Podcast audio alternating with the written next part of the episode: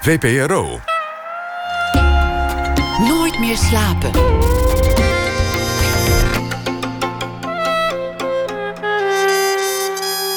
Met Pieter van der Wielen. Goedenacht en welkom bij Nooit meer slapen. Ernst Daniel Smit, zanger en presentator, komt zometeen op bezoek. Vanwege een voorstelling, een Wienerabend, waarmee hij op de podia staat. Een soirée vol operetten, walsen en andere zoete Oostenrijkse verleidingen. Hij is na ene te gast.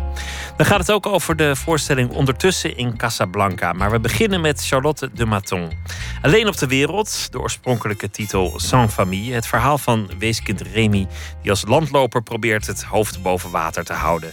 Een tranentrekkende roadstory uit de jaren 1870 van Hector Malot. Opnieuw vertaald door Tini Fischer en door Charlotte de Maton voorzien van tekeningen. De Maton trok door haar eigen geboorteland Frankrijk in de voetsporen van de jongen. Volgde het spoor langs landschappen en ontberingen.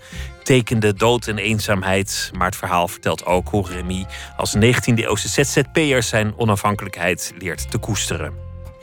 Charlotte de Maton is meervoudig zilveren en gouden penseelwinnaar. Maakte vele boeken, tientallen, onder meer het boek Nederland, met tekeningen waarin elk detail iets zegt over het land en de geschiedenis. Wat een werk en wat een liefde moet daarin zijn gaan zitten. Ook maakte ze boeken als De Gele Ballon, Sinterklaas en Tobber. Over een etalagebeertje dat maar niet kan stoppen met pijnsen en tobben. En niemand weet waarover. Charlotte de Maton werd geboren in 1957, groeide op in Normandië, kwam naar Nederland en deed al daar de Rietveld Academie. Welkom, Charlotte. Leuk. Dat boek, dat, dat kent iedereen uit zijn jeugd. Sans familie. Alleen op de wereld. weet je nog hoe, hoe, je het zelf las destijds? Kwam dat terug nu het, nu het ging nou, illustreren? Het, het lezen kan ik me niet zo goed herinneren, maar wel de ellende. Het verdriet. Ja, ja, en ook dat gevoel toen het uit was van... ik wil dit nooit meer lezen, want het is gewoon niet te harde... om zoveel narigheid te moeten meemaken. Dat had ik wel heel erg, hoor. Ja. Jongetje wordt, uh, wordt uit huis gezet, komt erachter dat zijn ouders daar niet zijn echte ouders zijn. Wordt verkocht in het café aan een, uh, aan een artiest die, die een soort vagebond is. Gaat ermee op pad, maar die komt in de gevangenis. En de dieren met wie die bevriend raakt, die worden doodgebeten door de wolven. En het sneeuwt en niemand wil hem hebben. En dat gaat zo door en door en door en door. Ja. Ja. ja, maar wat wel bijzonder is uit dat verhaal, dat is dat het, dat, dat jongetje altijd weer opveert. Dus dat, ik bedoel, ik had toen ik het maakte, had je natuurlijk ook hier al die mensen die vluchten uit Syrië en zo. Dat je dacht dat diezelfde moed moeten zij ook hebben. Je moet altijd weer opstaan en denken, nou, proberen we het weer zo. Dat doet hij ook. Op een gegeven moment is hij echt alleen. Dan is er nog maar één hond en, en Vitalis is dood. Dus dan heeft hij niemand meer. Er is ook niemand die zegt, kom maar bij mij. Dus ik denk, hoe moet je dat doen? Wat is die dan? Is die elf, geloof ik. Nou, dat, vind ik, dat is verschrikkelijk, zoiets. Verschrikkelijk. Er is geen jeugdzorg. Er is... En mensen zeggen ook van, ja, zoek het uit. Zoek het uit. Je, niemand houdt van me, niemand geeft om me. Nou, dat, dat is gruwelijk. Maar ook wel weer van deze tijd, vind ik. Maar hij is ook blij dat hij onafhankelijk is. Hij is ook, hij is ook blij dat hij niet in loondienst werkt. En hij is ook blij als hij de zon op zijn bolletje voelt. Ja. En als er ook maar iets te eten is, dan geniet hij van zijn volle maag. En dan is het al lang weer best. Ja, ja, ja. Ik Zo is het ook. Ja, absoluut, ja. Je bent gaan reizen door, door Frankrijk, het land van je geboorte. Met een, uh, een bloknoot en, en een potlood. Om die landschappen allemaal in kaart te brengen. Die hele route die hij heeft afgelegd, uh, kriskras door Zuid-Frankrijk en uiteindelijk omhoog richting Parijs. Ja. En weer terug en weer omhoog, et cetera. Nou, ging wij, dat? wij hebben het wel eh, wat uh, handzamer gemaakt. Want Remy is natuurlijk op en neer gegaan, inderdaad. En er zijn plekken die we niet bezocht hebben omdat het geen nut had. Bijvoorbeeld, hij zit twee jaar in Gentilly. Dat is aan de onderkant van Parijs, dus eigenlijk bij de periferiek daar. Wat toen nog niet bestond natuurlijk. En uh, dat bestaat niet meer. Hij zat daar in een, bij een tuinder. Dus dat was buiten Parijs eigenlijk. Nu is dat stad. Dus om die flats nou daar te gaan tekenen... Dat, nut. dat heeft geen zin. Geen enkel nut. Overigens heeft de VPRO een, een, een serie gemaakt... Uh, alleen op de wereld... die het wel degelijk in onze tijd hebben gesitueerd. Ja. Zonder overweldigende landschappen en... Uh, ja zonder landloperij. Ja, ja, maar dat is natuurlijk, als je het echt op die manier zoals in het boek zou willen doen, dat is onbetaalbaar, denk ik. Dan moet je dus een tuinderij kweken ergens. Je moet... eh, de mijnen bestaan zoals toen bestaan niet meer. Ze bestaan sowieso niet meer. Maar die mijnen van toen, dat zijn niet de mijnen die wij kennen van eh, met die schachten. Het is nog voor die tijd. En dat vond ik wel heel leuk hoor, om daarover te lezen. Dat in die tijd in de Cévenne ontdekten mensen... dat er dus van kooltjes eh, warmte kon je daarmee maken. Dus wat deden ze, die oenen? Ze groeven gewoon tunnels onder hun huizen. Dus huizen storten ook in, want dat hadden ze natuurlijk niet in de gaten in het begin... dat je dat ook moet stutten. En die mijnen zijn ook zo ontstaan. Dus ze groeven eh, niet recht naar beneden, maar eerst gewoon, eh, net als een muis, gewoon de grond in. En dan ga je zakken, verticaal naar beneden, tot je op. Dus dat gewoon met, eh, met eh, houwelen, en, met de hand. Tot je op een laag kwam waar kolen waren. En dan ging je horizontaal. En dat werd dan gestut, uiteraard. Maar die mensen, die liepen dus iedere dag van huis naar de ingang. En dan de zelf gegraven trappetjes en laddertjes de grond in. Dus er waren mijnwerkers die deden er drie kwartier over om bij hun werkplek te komen. Dus, als in, dus wat dan gebeurt ook in dat boek, dat op een gegeven moment er overstromingen zijn, dat water vult die tunnels. Die mensen hadden geen schijn van kans. Geen schijn van kans, want je moet die laddertjes opklimmen. Dus dat was gewoon anders dan wat wij weten van de mijnen. zijn die schachten die dan met een paar seconden eh 100 meter naar beneden kunnen. Nou, die waren er toen nog niet. En ook die ellende blijft hem uiteraard niet bespaard. Nee, ja, nee. Verzuipen in een, in een mijn. Dat, het is in die zin een gruwelijk boek. Het moet, het ja. moet gezegd. De landschappen waren belangrijk voor Hector Malot. Ja. Dat was eigenlijk de reden dat hij het schreef. Om de, om de Franse kinderen van zijn tijd de topografie te leren kennen. En, en de, de mooie, mooie landschappen te leren waarderen. Ja, en dat was het rare. Toen ik dat eh, als kind heb gelezen, kan ik me vooral de ellende herinneren. En ook dat hij altijd liep. Maar ik kan mij niet herinneren dat ik dacht... gunst, wat zou dit nou een mooi landschap zijn om eens te bezoeken of zo. Dat dacht ik helemaal niet als kind. Maar hoe was dat nu als je, als je op pad ging van oké, hier moet ik iets tekenen. Nu moet er wel weer een tekening komen. Je reed rond en dan stopte je, zette je wagen stil en dan begon je te schetsen. Ja. Nou ja, en, en foto's maken. En, en die schetsen maak ik dan meer omdat dat ik dat beter onthouden kan. Dus dan onthoud ik door dat tekenen het licht bijvoorbeeld veel beter. En een foto is nooit wat je ziet. En dus ik bedoel, ik zie iets, dan hou ik dat fotostel voor mijn neus... dan denk ik, hé, het is weg. En want dat is het niet. Dus, maar als ik dan even schets van een heuvel... en dan eh, eh, een beetje schaduw hier of een huisje... dan denk ik, oh, wat is dat licht mooi. Of wat is dat... Maar dat zit ook een beetje in je kop. Ik denk dat je dat ook een beetje verzint. Maar dat, was maar dat is de manier. Dus foto's en schrijven... ook beschrijven met woorden, dat helpt me ook. En eh, dus we hebben eerst in het, dus het eerste wat ik heb gedaan was bij mijn moeder in de plaatselijke boekhandel in Frankrijk gevraagd: Heeft u sans famille Hector? En het antwoord was ook: Bien sûr. Want dat hebben ze gewoon in die winkeltjes, ook als het plaatselijke winkeltjes zijn. Dus ik heb toen gekocht zo'n paperback. En wat je nooit in een boek doet, is erin schrijven. Nou, dat heb ik volop gedaan. Met geel, gele stiften aankruisen waar die was. Want Hector Malot heeft dat echt beschreven. En Tini Fischer, die moest natuurlijk een aanpassing treffen. Omdat dat boek ook een beetje eetbaar voor kinderen van deze tijd Want die zijn. beschrijvingen van die landschappen zijn eindeloos. Eindeloos. Nou, dat Eind- gaat maar eruit. door. Dus ik dacht, wat Tini eruit haalt, ga ik proberen er weer in te stoppen. Zonder haar tekst te schenden, maar toch weer terug te geven wat eruit is gehaald. Dus toen dacht ik, nou, dan moeten we dat landschap bekijken. En eh, bekijkend, en dan kon ik waar ik kon, dacht ik, zet ik het er weer in. Maar dan was je ook terug in het, het land van je jeugd. Je bent opgegroeid in Normandië. Ja. Dat is niet echt een plek die wordt aangedaan in het boek. Nou, In de buurt. Hij loopt door de buurt, want hij loopt op een gegeven moment langs de Seine en dan omhoog eh, om naar Boulogne-sur-Mer, naar eh, Londen te kunnen gaan. Oh ja, dat is helemaal, helemaal aan het eind. Ja, dus dat is Beauvais en, en zo, helemaal Abbeville, helemaal naar boven. Dus toen zijn we eerst bij mijn moeder langs gegaan en daarna weer door langs die kust. Dus Beauvais en zo, ja, dat hoort bij mijn jeugd. Die omgeving, daar kwamen wij wel. Was het een gelukkige jeugd? Heb je, heb je fijne herinneringen aan Frankrijk en Normandië? Ja, dat. eh, ja. Ja, het is, maar Normandië was vroeger wel. Het is een rijk gebied omdat de landerijen daar zo groot zijn. Dus die boeren hadden het goed. Maar Normandië is ook wel een beetje het land van Maupassant. Het is een beetje achterlijk. Dus dat was wel moeilijk, want mijn ouders kwamen daar niet vandaan. Die streken daar neer en dat dorpje waar wij woonden... Ja, daar waren bijvoorbeeld midden in het dorp was een boer met negen zonen. En die, die zonen die gingen naar school omdat de burgemeester zei... als jij ze niet naar school stuurt, dan sturen wij de politie op je af, jongen. Dus die kinderen kwamen wel, maar die moesten om vier uur op. Want voordat ze naar school gingen, moesten de koeien gemolken worden. En die sliepen dus in de klas, die kinderen. En er waren heel veel kinderen, die ouders stuurden ze naar school... omdat dat in de wet beschreven stond. Maar dat interesseerde die mensen niet. Liever niet? Nee, liever niet.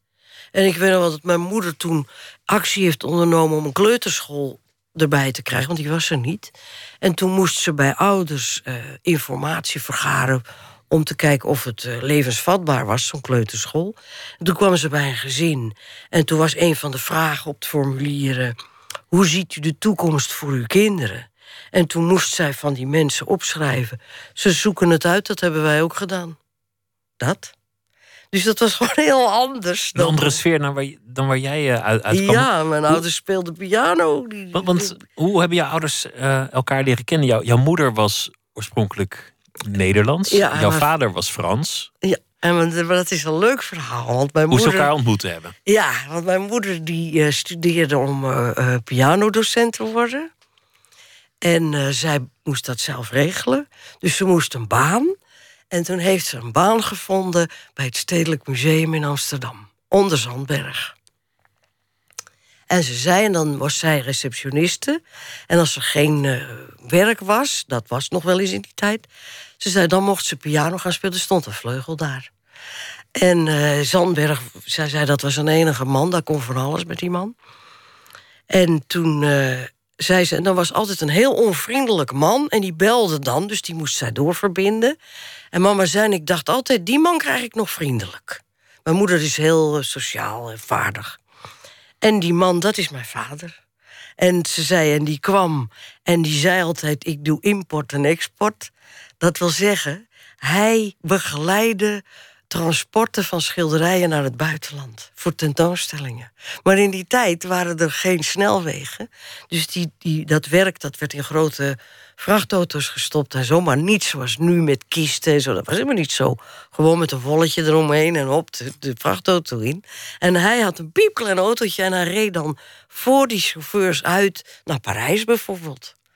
En uh, mama vertelde dat ze, toen kregen ze wat met elkaar. En uh, ze zei, en toen kwam hij op een gegeven moment even zoenen stiekem. En toen zei hij, ik moet weer gaan hoor.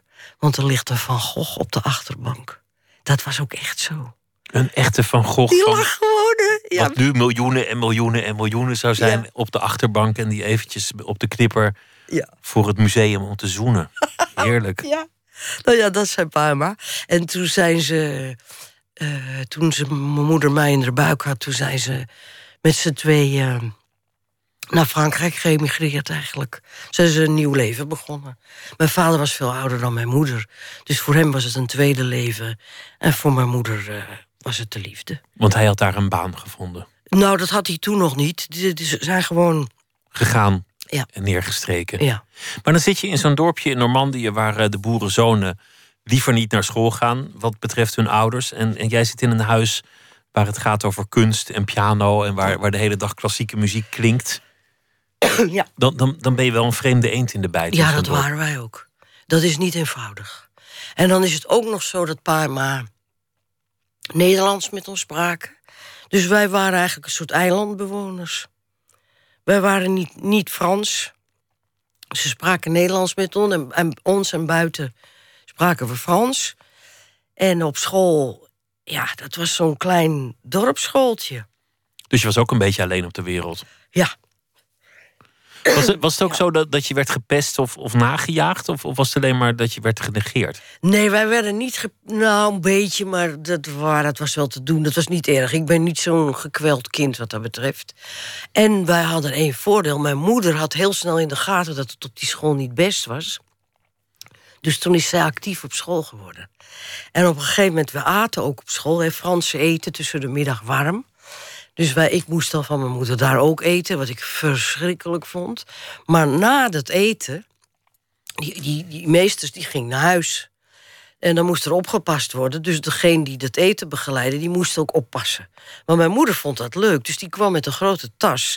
En dan, dan had ze daar springtouwen en ballen in. En dan ging ze, zei ze, nou jongens, dan, eh, dan doen we de springtouw aan de hek. En dan draai ik wel, dan kunnen jullie allemaal springen. Dus toen werd mijn moeder een soort koningin van, van, van, van het speelplein.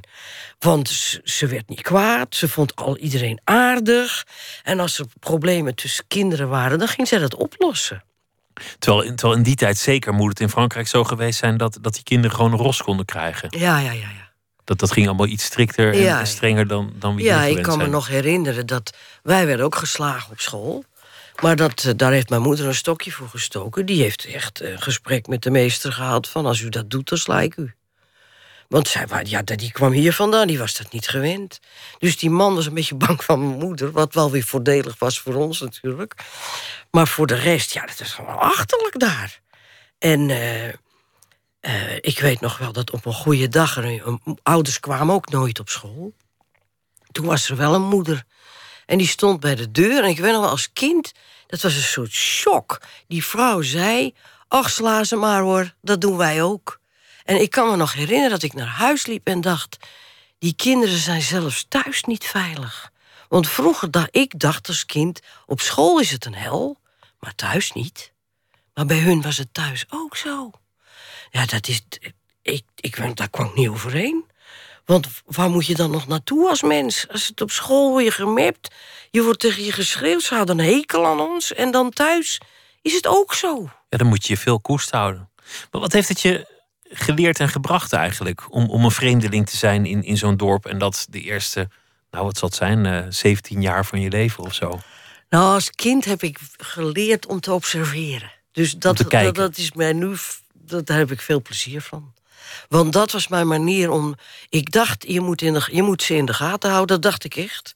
Want ik moet ze voor zijn. Ik moet weten uit welke hoek de klappen komen. Letterlijk en figuurlijk ook. Dus ja, ik had een leuk vriendinnetje hoor. En nog een vriendinnetje. Dat was allemaal wel te doen. Maar wij waren toch een beetje rare in hun ogen. Alleen als kind weet je dat niet. Je weet niet dat dat zo is. Het is gewoon zo. Ik was vreemd in hun ogen. En uh, uh, er, waren, er waren niet alleen achterlijke mensen hoor. Er, waren ook, uh, er was een Zweedse familie. Die woonde midden in het dorp in een soort Pipi Lankhuishuis. En ja, dat was dat meisje waar ik mee bevriend. En die waren heel anders, die waren net als wij. Maar dat waren ook bijzondere. En dan waren er nog een paar zo, maar voor de rest, ja.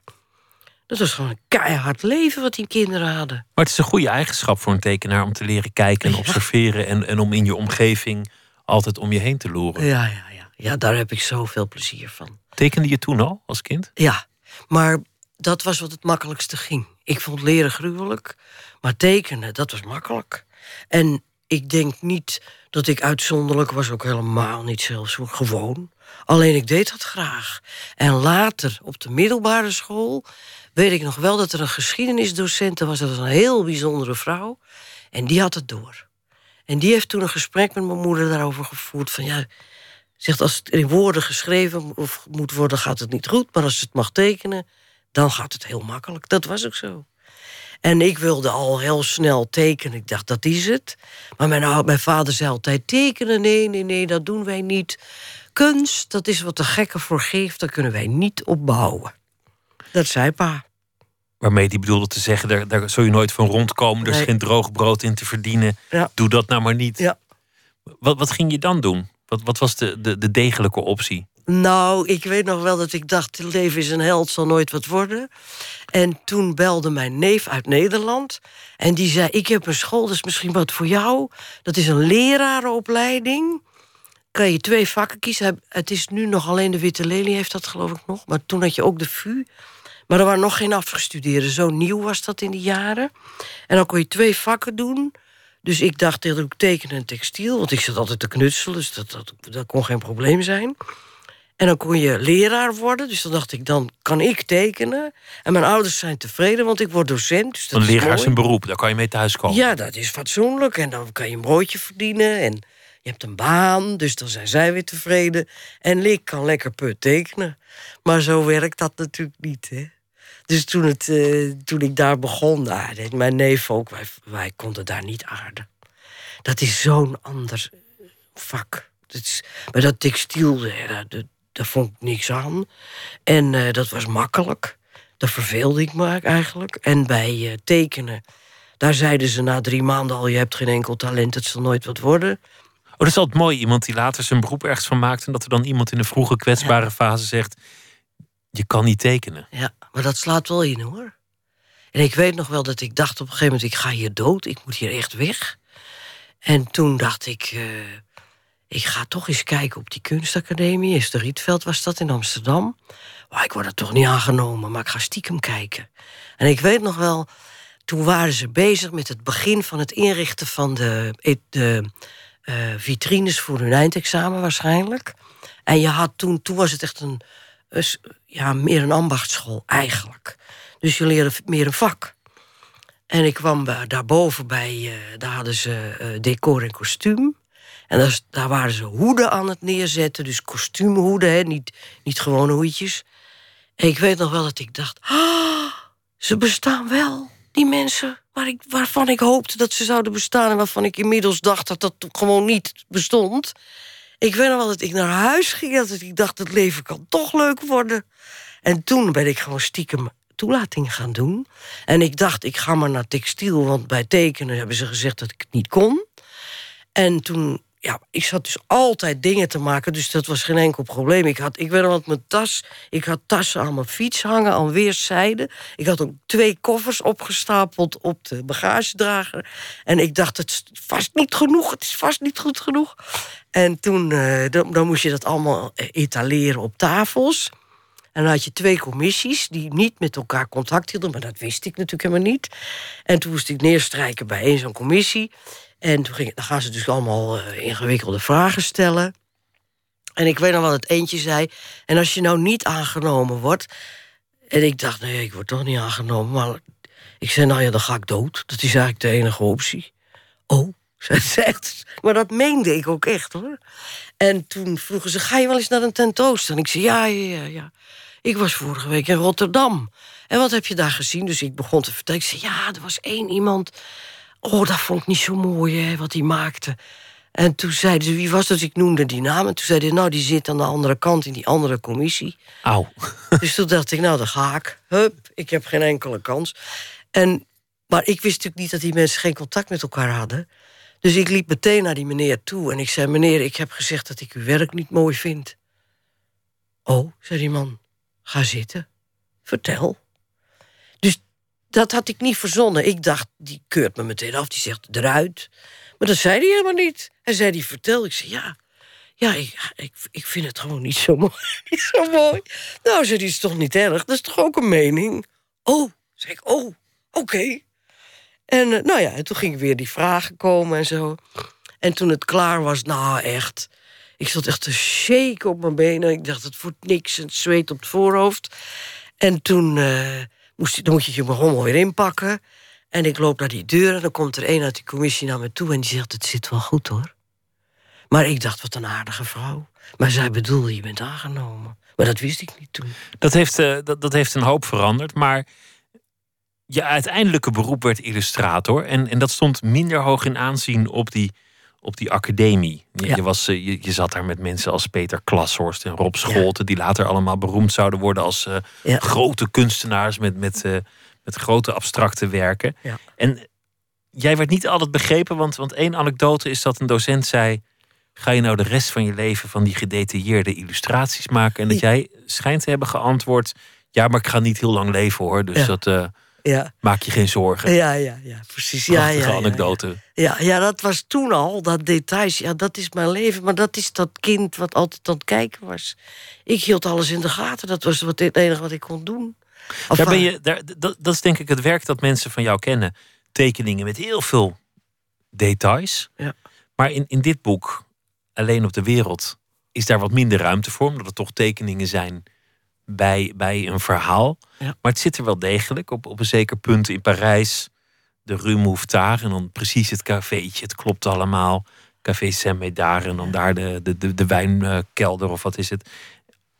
Toch, toch, toch, toch dat erin. Uh, in ja, maar dat zijn een soort, voor mij zijn dat een soort snoepjes extra. Dus Tini, die, die vertelt dat Mattia bij de kerk, dat, dat Remy vindt Mattia, dat wordt, is zijn vriend dan, hè, die staat bij de kerk. Zij heeft dat hele stuk Mouffetard en Médard eruit gegooid. Maar in de Franse tekst staat dat wel. En toen dacht ik, dit is mijn kans om hem erin terug te brengen... zonder de tekst van Tini te schenden. Dus toen ben ik gaan zoeken of ik daar nog beelden extra kon vinden.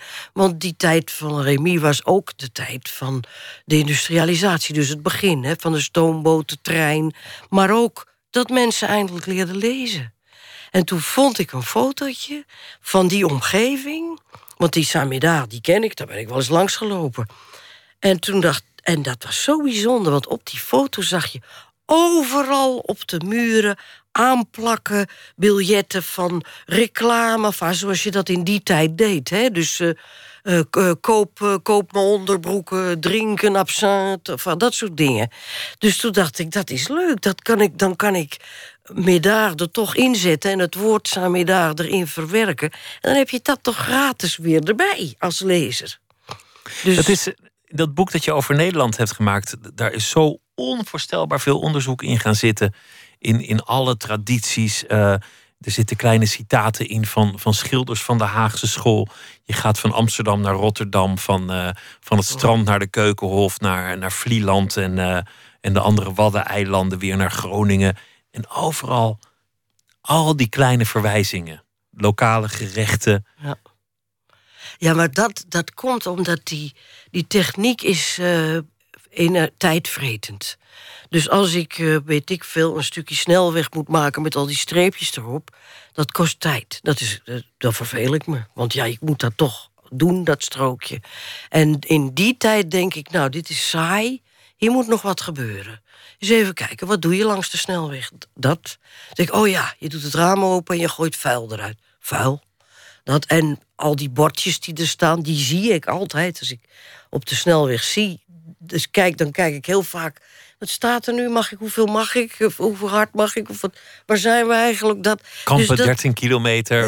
Een, een, reclamebord, noem, ja, noem maar op. Ja, en, dus, en het was ook van de leuke dingen. Hè, want we gingen naar Drenthe, Overijssel bekijken. Toen kwamen we in een klein dorpje. En daar stond bewegwijziging midden op het dorpsplein. En daar stond dan. Uh, want ik dacht, ik moet ook natuurlijk iets met het geloof in Nederland. Met al die soorten geloven. En daar stond onder. Rooms-Katholieke Kerk, rechtdoor. Uh, gereformeerd, naar links. Uh, Nederlands hervormd, naar uh, de andere kant op. En bovenaan, restaurant Hongkong, rechtdoor. Nou, dat vind ik echt ongelooflijk dat je dat allemaal opstapelt. Dat, dat is Nederland in één bordje, zo'n beetje. Ja, ja. Echt, maar ze zitten vol met dat soort leuke dingen, die Nederlanders. Ben je van het land gaan houden? Want het is niet je land van geboorte, wel het land waar je, waar je ouders al uh, vandaan kwamen, althans in ieder geval je, je moeder. Ben, ben je van het land gaan houden? Is, is dat eigenlijk een thuiskomst geweest? Ja, ja, ik ben, ja, Nederlanders zijn heel grappige mensen hoor. En dat, ze hebben een soort humor die ze misschien niet als humor bedoelen, maar waar ik enorm van geniet. Zoals bijvoorbeeld als een Nederlands stel 65 wordt, dan gaan ze bij de ANWB een goede fiets kopen die hetzelfde is. Zij het vrouwenmodel, hij het herenmodel. Dan nemen ze er ook meteen een windjack bij wat unisex is. Dat vind ik zo bijzonder dat je dat doet. dat je je fietsen bij elkaar zet, hij de kaart, zij het eten... en dan lekker veel tochten maken. Nou, in, het begin, ik bleef wel eens zo staan op de, op de straat om te kijken naar mensen die dat deden. Dat vond ik zo bijzonder. En ook dat ze bijvoorbeeld hun gordijnen s'avonds openlaten, zodat je naar binnen kunt kijken. Ik kom uit een land, je maakt een muur of je doet de luiken dicht. Maar je wil niet dat die ander naar binnen kijkt. Dus in het begin vond ik dat heel gek. En dan zei mijn, mijn geliefde wel eens... je moet niet zo naar binnen kijken, dat is raar. Ik zeg, ja, maar ze doen de gordijnen niet dicht. Dus dan zeggen ze toch, kijk naar binnen. En dan ook bijvoorbeeld, hè, je neemt een, uh, een, een bloem of een plant, Sansevieria of zo. En dan zet je in ieder raam zo'n Sansevieria en dan symmetrisch. Dat moet hetzelfde kant, dezelfde kant op groeien. Dat zullen Fransen nooit doen. En dan die gordijnen ook, mooi symmetrisch. En dat met het liefst meet je dat af, dat dat mooi gelijk hangt. Ja, prachtig, moet je doen. Maar ja, maar ik het boek, vind dat humor. Het boek begint, eindigt met water. En overal op ieder plaatje is wel ergens water te zien. Ja. Er zit volgens mij niet één plaatje tussen, maar ik kan me vergissen waar, waar niet ergens water is. is overal water. Ja. Overal water. Ja. Het, het gaat ook altijd over dat water. Dat, dat is natuurlijk bijna een cliché, Nederlanders en het water, maar het is wel zo. Ja. En vriendschap. Op, op elk plaatje is er wel ergens een blijk van vriendschap te vinden. Ja, ja maar toen ik hier kwam, ja, Fransen zijn uh, wat afstandelijker. Het duurt, mijn moeder heeft bijvoorbeeld een vriendin gehad. Zij leeft niet meer, maar zij, zij hadden heel veel met elkaar. En ze, ze noemden elkaar bij de voornaam, maar ze zeiden wel u tegen elkaar. En ik heb nog steeds, als ik iemand ontmoet die ik niet ken, dan moet ik iets overwinnen om je te zeggen. Dat doe je niet. Je wacht tot die ander je dat aanbiedt. Biedt hij je dat niet aan, dan blijf je u zeggen. Ook 30 jaar lang. Daar hadden ze ook helemaal geen moeite mee hoor. Maar uh, dus, en toen ik hier kwam, toen kwam, ging ik dus naar die school waar ik het er straks over had. En toen was er een soort introductiedag. Maar ik verstond de Nederlandse taal redelijk, maar niet heel goed.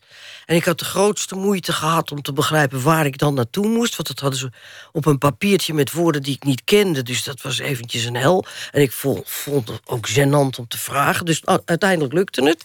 En toen streek ik neer naast een meisje die ik natuurlijk niet kende. Die dan van dezelfde school die in mijn klas zou komen. En toen zei ik tegen haar eh, van ja, we kennen elkaar niet, maar als, als die mensen straks iets vertellen en ik versta het niet of ik begrijp het niet, kun jij me dan uitleggen wat ze zeggen? Want ik ben de taal niet helemaal machtig. Ja hoor, zei Ellie, dat zal ik doen. Dat is nog steeds een vriendin. En een hele goeie ook nog. Meteen de eerste dag. Ja, en zij zei ook heel snel had zij waarschijnlijk in de gaten ook dat ik alleen was en niemand kende. Toen zei ze: Kom eens langs, dat vinden wij leuk, kom je koffie drinken dat is zo leuk, vind ik, van Nederlandse mensen. Dat ze, het is eenvoudig. Je kunt ook bij ze aanschuiven.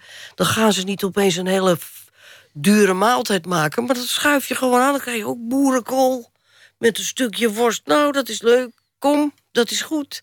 Nou, dat vind ik onbetaalbaar. We gaan luisteren naar uh, muziek van Julie Byrne. Ze komt uit uh, verschillende plekken in de Verenigde Staten: Buffalo, Pittsburgh, Chicago, Seattle en New Orleans. Maar inmiddels zit ze in New York en het nummer heet Natural Blue.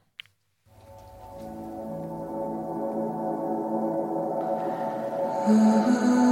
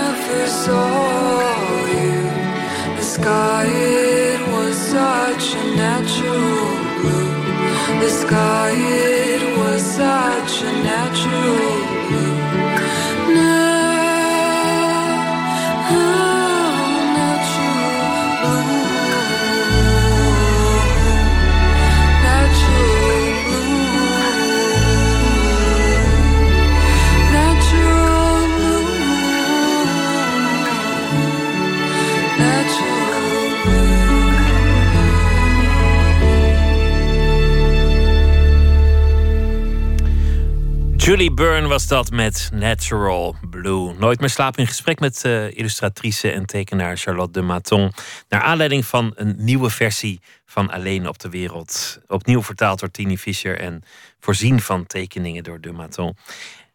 Je zei, je zei een paar dingen die, die me een beetje zijn bijgebleven. Namelijk dat, dat op een zeker ogenblik er tegen je werd gezegd van... Uh, ja, je kan niet tekenen. En, en dat, dat, je, dat je enorm raakte. Dat je toen... Uh, toelatingsexamen ging doen voor, voor de Rietveld. En, en, en dat je zei, ja, ik zal het wel niet worden. Het zal wel niet goed zijn. Uh-huh. Hoe lang is die gedachte bij je gebleven? Het zal wel niet goed zijn, het deugt niet. Heel lang. Ja? Eigenlijk, toen, toen op een gegeven moment kreeg ik voor Sinterklaas een gouden penseel.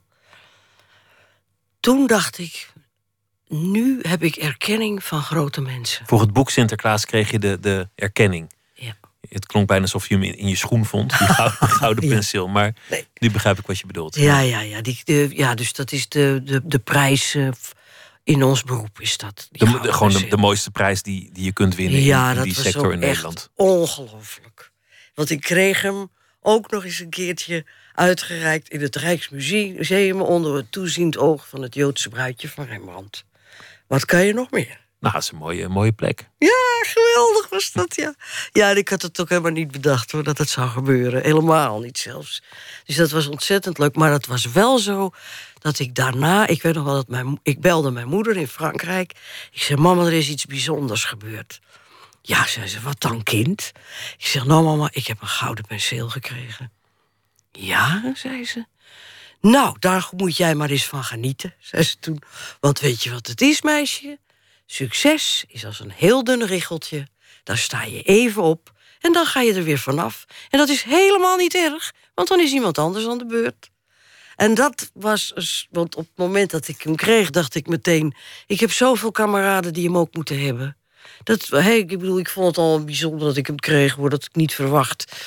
Maar er zijn er zoveel die zulk mooi werk in dit land maken. Het is, een, het is aan de ene kant waar wat je moeder zegt, want het is een richeltje. Je gaat erop staan en, en je wordt er ook weer vanaf gekukeld. Komt er weer iemand anders. Maar het is wel belangrijk dat je, dat je het op een zeker ogenblik krijgt. Wat heeft, wat heeft succes veranderd voor jou? Uh, een beetje rust heeft het gegeven. Dus uh, iets, iets minder. Ik denk altijd: oh, dat wordt niks. Oh, dit is niks. Oh, ik kan het niet. Oh, ik kan beter bij Albert Heijn gaan werken. En, en, en nu denk ik iets vaker, nou, maak het nog maar even af en dan praten we verder. Echt dat. Dus dat heeft een soort ruimte gegeven. En ik heb nu ook wel dat ik wel zeg van, ja, maar dat is niks hoor, dat ga ik niet doen op die manier. Ik ga het anders. Ik heb een idee. Terwijl vroeger dacht ik, nou ja, laat ik maar doen wat die mensen willen. Wachten tot er een mooie opdracht kwam en niet, niet zelf een idee ja. op gang zetten. Ja, ja, absoluut. Ik had op een gegeven moment na een aantal jaren, want wat krijg je als je begint in ons beroep? Heel veel schoolboeken. Dat is heel dienstbaar. Hè? Je moet doen wat er in die tekst staat, want dat is, heeft allemaal pedagogische, didactische redenen van zijn. En er dus, verschijnt elke, elke zoveel jaar een nieuwe editie, dus dat werk gaat ook wel een beetje door. Dat gaat alsmaar door, maar je, je kunt dus nooit je eigen gevoel erin stoppen. en, uh, dus op een gegeven moment werd ik depressief. Ik dacht, daar heb ik wel vaker last van. Maar toen werd het heel erg en toen dacht ik, nou, ik stop ermee. Ik ga bij Albert Heijn. Ik ga het doen. Lekker rustig. En, uh, en toen ging ik bij de uitgeverij langs, bij Lemnes Kaat in Rotterdam. En toen zei ik, nou, ik, ik stop ermee. Ik vind niks. Ik, ja, wat moet ik doen? Toen zei hij, maar is er dan iets wat jij zou willen? Ik zei, ja, ga ik jou vertellen. Zei hij, nou, je hebt toch niks te verliezen? Je, toch, je stopt er toch mee? Zei, ja, dat is waar. Toen zei ik, nou, ik zou wel echt eigen prentenboeken weer willen maken. Toen zei die, en dat was echt heel leuk hoor. Toen zei die, uh, het gat van de deur is daar, nu, gaan. Heb je een idee, dan kom je terug. Ik zei, ja, dat heb ik al. Oh, zei hij, nou, kom dan maar meteen weer terug. dus toen ben ik de week daarop met dat idee naar hem toe gegaan. Dat had ik helemaal uitgeschetst. En ik weet nog wel dat ik dacht. En als die zegt, dit is niet goed, of dan zeg ik, ja, dat bedoel ik. Zie je, ik ga naar Albert Heijn. En toen had ik het verteld, en dan moet je dat dan veel vertellen totdat het helemaal. welk idee was dat? Is, dat? is dat ook een boek geworden? Ja, dat is Ga je mee geworden. Dus van bovenaf getekend en zo. En uh, het was, ik had het helemaal uitverteld. En toen zei hij: Nou, zeg nu maar niks, want jij kan zo goed vertellen, dat is niet goed. Ik moet het rustig even bekijken. En toen zei hij: Het is goed, doen. En zo begon je met de carrière van zelfideeën. Ja beginnen en, en tekenen. En, en die stijl is ook wel bij je gebleven van bovenaf. Want later maakte je uh, de gele ballon. Ook van bovenaf een vlucht. Ja. Over, een, uh, over een landschap met heel veel details. En, en dat boek over Nederland is ook grotendeels zo vanuit de lucht ja. getekend. Nou ja, die lucht geeft uh, meer oppervlakte, ruimte. Als je een, een stad, een vooraanzien van een stad maakt, dan is het grootste perspectief een kruising. Maar je kunt op één kruising niet een hele stad vertellen. En eh, dus toen ineens kwam dat idee van... als ik nou eens op zou stijgen als een vogel... dan hang ik boven die stad. Dan kun je een rijke wijk, een, achterlijke wijk... een dure wijk, water, een ongeluk, een brand. Dan kun je heel veel laten zien. En, en, en dan bijvoorbeeld in die gele ballon... de woestijn is dan eindelijk ook is woestijn. Want in een schoolboek is de woestijn, dat is uitleg over hoe ze daar leven. Dus dat is uh, een tent, uh, de kamelen, geiten, schapen... uit welke bakjes ze eten, hoe ze zitten in die tent. En dan, wat heb je dan? Een tekening vol met dingen. En tussen twee touwtjes zie je een heel klein stukje woestijn. Ja, dat is de woestijn niet. En dat is ook voor een kind saai. Ja. Ik weet nog toen ik kind was dat ik, dat ik de, de, de details altijd zo leuk vond. Tekeningen waar heel veel op gebeurde. Ja.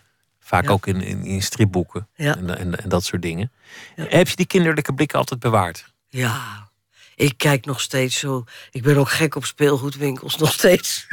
Nog steeds, nog steeds zijn kwijlen bij een, uh, ja, een autootje of een, of een pop. Of een, uh... Dat wil ik ook het liefst hebben.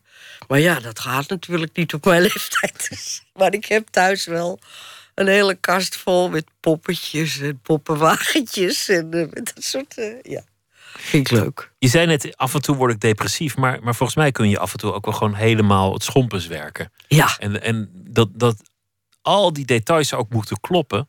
Want er is een soort boek, een soort, soort uh, appendix verschenen bij, bij het boek over Nederland. Waarin al die details worden toegelicht. Ja. Waarin al die research wordt uitgelegd. En alles moet kloppen, alles dubbel checken. En volgens mij ook, ook zes keer doodgaan als er één detail niet helemaal klopt. Ja, absoluut. Ja, maar bij Nederland is dat natuurlijk. Ik werkte en op een gegeven moment dacht ik: oh, straks krijg ik 17 miljoen Nederlanders over me heen. Dus het moet deugen. En dan is het ook nog zo dat volwassen mensen die denken terwijl ze kijken ook dat ze straks de spruiten moeten opzetten en de belasting moeten betalen. Maar kinderen niet. Die zien alles. Dus als ik de een lantaarnpaal niet goed tekent, dan zeggen zij dat. Dan zeggen ze dat ziet niet zo. Want ze, zij slaan veel meer de dingen op zoals ze zijn dan wij. Dat is echt waar hoor. En als er staat in een tekst, de poes had zes jongen... dan tellen zij in mijn tekening of ik er ook zes getekend heb. Dat doen ze. En terecht. Dus ik moet zorgen dat het deugt. En op school probeer ik dat heel vaak uit. En, maar het is echt waar. Die kinderen die prikken er meteen doorheen als er oh, iets niet klopt. Tuurlijk. Ze hebben alle tijd, dus ze zullen je wel krijgen ook. Ja, zeker. Maar je zei, het succes heeft me wat, wat rustiger gemaakt. Ja. Heeft dat je er ook uh, voor behoed om, om niet, niet volledig in damp op te gaan aan je tekentafel? Om, om af en toe s'nachts naar bed te gaan of eens een keer er vandaan te komen nou, voor een kop koffie? Nee? Nee, nee, nee, jammer genoeg niet. Nee, nee, nee, nee. Nederland was wel de zwaarste opdracht eh, ever. En de, uh, dat is drie jaar werk geweest.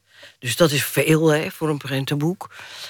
En maar eh, daarna kwam er een tsunami aan aandacht. Dus dat, dat is ook niet helemaal mijn ding. Veel signeren en gedoe. En uh, nou ja, alright.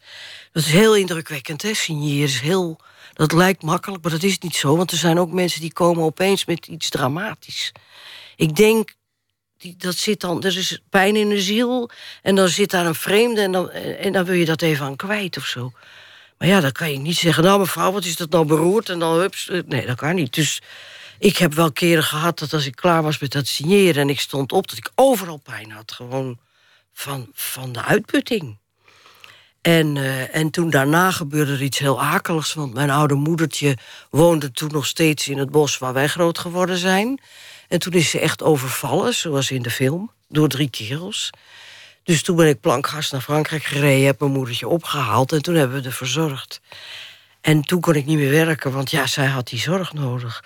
Dus toen ze eenmaal weer op de been was en ze heeft het overleefd en ze doet het heel goed.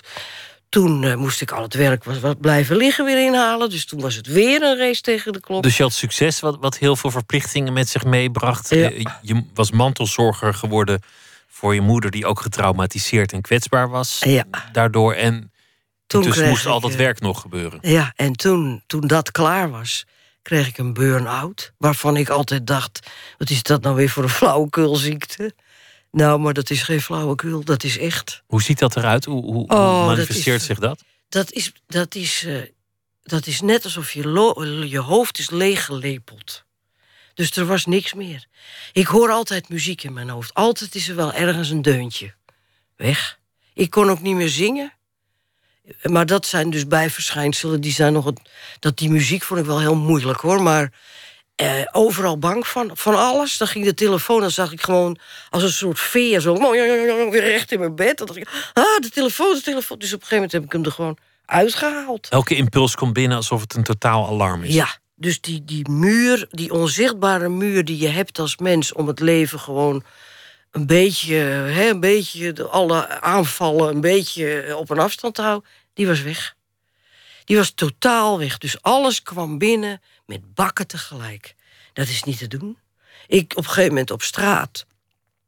Als je op straat loopt en er lopen mensen op de stoep, dan voel je die ander. Je voelt dat die niet opzij zal gaan, dus je gaat zelf opzij. Of, of je voelt het niet en je denkt, ga jij maar opzij, dat kan ook. Maar uh, dat had ik niet meer. Dus ik, ik begreep niet wat iemand ging doen. Ging die opzij, ging die het niet. Dus ik raakte totaal in paniek van alles. En dan ook verdriet en alles door elkaar. Het is gewoon net alsof je knettergek wordt... en dat het nooit meer over zal gaan. En dan ook moe, echt een twee meter naar het aanrecht van de keuken... en dan kon ik al niet meer op mijn benen staan. Echt maar dan was je twee belangrijke dingen verloren. Namelijk, je zei aan het begin, wat ik heb geleerd van mijn jeugd in Frankrijk is opmerkzaamheid. Ja. In de omgeving zijn en alles doorhebben. Ja. Nou, dat was dus verdwenen. Ja. En je zei, als ik niet zou kunnen tekenen, ja, dan, dan, dan zou ik eigenlijk ook niet weten waarom ik zou moeten leven. Ja. Dramatisch gezegd, maar volgens mij meende je het ook nog. Ja, ja, ja. En die twee dingen die gingen gewoon niet meer. Ja, die gingen niet meer. En, maar ik was zo ziek of van ziek, ja, je, je moet, ja, het is toch ziek. Dat, dat, dat tekenen, dat, ik, ik kon dat niet meer. Ik kon gewoon niet meer bedenken, wat moet ik dan maken? En hoe, ik, ik was gewoon weg, alles was weg. Hoe, hoe ben je daar uitgekomen? Nou ja, ik, het fijne was natuurlijk, doordat Nederland zo goed verkocht... kon ik in mijn bed blijven liggen, want... Uh, ja, anders, als dit gebeurd was tien jaar daarvoor, waren we failliet geweest. Zo simpel is het gewoon. Ja, dat nu, kan er dan ook nog wel bij, toch? Ja, maar nu, eh, ja, precies. Maar ja, dat hadden we ook wel weer overleefd hoor. Maar goed, eh, eh, toen kon ik gewoon in mijn bed blijven liggen. Dus ik heb gewoon eerst drie weken gewoon alleen geslapen en gehuild. En de dag en het, de nacht, dat was ook weg. Dus ik werd s'nachts wakker alsof het dag was. En overdag weer alsof het... Nou ja, echt vreselijk. En toen na een week of drie... Toen, toen dacht ik, ik moet mijn bed uit. Dit gaat ook niet. En dat, toen kon ik dat weer gewoon naar dat aanrecht lopen... zonder te denken, ik kan niet meer. En, en als Bas dan mijn wederhelft thuis kwam... dan vroeg ik, ga je met me mee alsjeblieft het bos in? Want daar had ik behoefte aan, aan groen. En uh, want ik durfde niet alleen, ik durfde gewoon niet. Nou, dan liep ik gewoon als een soort eh, bang hert achter hem. Nou ja, een dik hert dan. En, uh, en dan was hij een beetje mijn verdediger, zal ik maar zeggen. En zo is het langzaam een beetje teruggekomen. En was er dan een moment dat je, dat je de vogels weer hoorde fluiten... of dat je weer muziek kon verdragen... of weer iemand tegemoet zag lopen en dacht... ik ja. wijk wel uit of doe jij het maar? Nou, ik had kaartjes, ik weet dat nog... Twee kaartjes ging ik met een vriend naar ik ben ontzettend gek op Simeon ten Holt. En dan vooral natuurlijk zijn bekende Canto Ostinato. En toen, uh, ik had dus helemaal geen muziek meer in mijn hoofd... en ik dacht, dat komt nooit meer terug.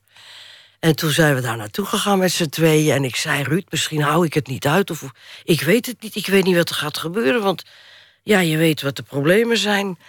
En het was net alsof het zo'n roestig luik van mijn, hersen, van mijn kop zo open ging... En die noten die van, van Kanto, dat, die komen aan alle kanten. Die, dat is overweldigend, die muziek. Nou, zo kwam het ook mijn hoofd binnen. Ik weet nog wel dat we naar huis liepen... en het was net alsof al die noten gewoon zo om me heen dwarrelden als vlinders. En dat heeft dagen geduurd. Ik hoefde maar te gaan zitten en te denken kanto... en hop, daar ging ik weer. En dat was het begin van een, groot feest, zal ik maar zeggen. Van je, van je terugkeer? Ja. Hoe sta je daar nu? Want, want het tekenen is je grote passie in je leven. Nederland is je land geworden, maar dat, dat is eigenlijk al, al, al zo lang geleden gebeurd. Dat is niet eens meer iets om, uh, nee. om, om bij stil te staan. En je, je, hebt het iets rustiger gekregen. Het is wat minder, minder gespannen, wat minder obsessief, wellicht. Ja, dat is goed. Maar ik moet zeggen, ik, ik heb nog steeds moeite om als een opdracht komt nee te zeggen. Ik heb het nou net weer gedaan voor werkelijk een prachtige schrijver. Maar ik zei, ja, ik ga het niet redden. Ik ga het gewoon niet redden. En, nu, dat lijf heeft nu de macht, hè. Dus uh, ik kan dan wel denken, dat doe ik nog wel even. Maar dan zegt mijn lijf gewoon, oh ja, dan worden wij ziek. Dat. Dus ik, ik betaal de prijs gewoon. Maar het is niet zo dat die ziekte... Uh, dat dat achteraf is het heel leerzaam geweest. Het is ook heel goed geweest om gewoon een tijd niks te doen... en en dat ook weer te overleven. En het tekenen kwam ook weer terug. Dat was ontzettend leuk, want toen, toen ik klaar was met ziek zijn... toen ben ik stiekem weer naar mijn werkplaats gegaan. Die is gewoon bij ons thuis. En ik had een opdracht voor Querido met uh, gedichten van Hans en Monique Hagen. En dat was heel mooi, want een gedicht is veel moeilijker dan een verhaal... want je hebt juist geen, geen houvast. Dus ik dacht, ik kan het niet, ik kan het niet. En iedere keer dacht ik, begin dan bij wat je wel weet. En toen heel langzaam vulde zich mijn schetsboekje. En toen heb ik ze gebeld en gezegd, ik heb het nodig aan ideeën. Maar misschien vinden jullie het niks. Dat is fijn van die gouden penseel, dat durf ik nu te zeggen gewoon. En als je het niks vindt, zeg het gewoon, dan doen we het niet. En uh, ze zeiden, oh, maar kom, kom langs. Dat heb ik gedaan. En ik voelde me heel dun en, en van, nou ja, weet ik het allemaal. Maar zij waren helemaal van, oh, Charlotte, oh. En Monique zei opeens, en dat was werkelijk een cadeautje...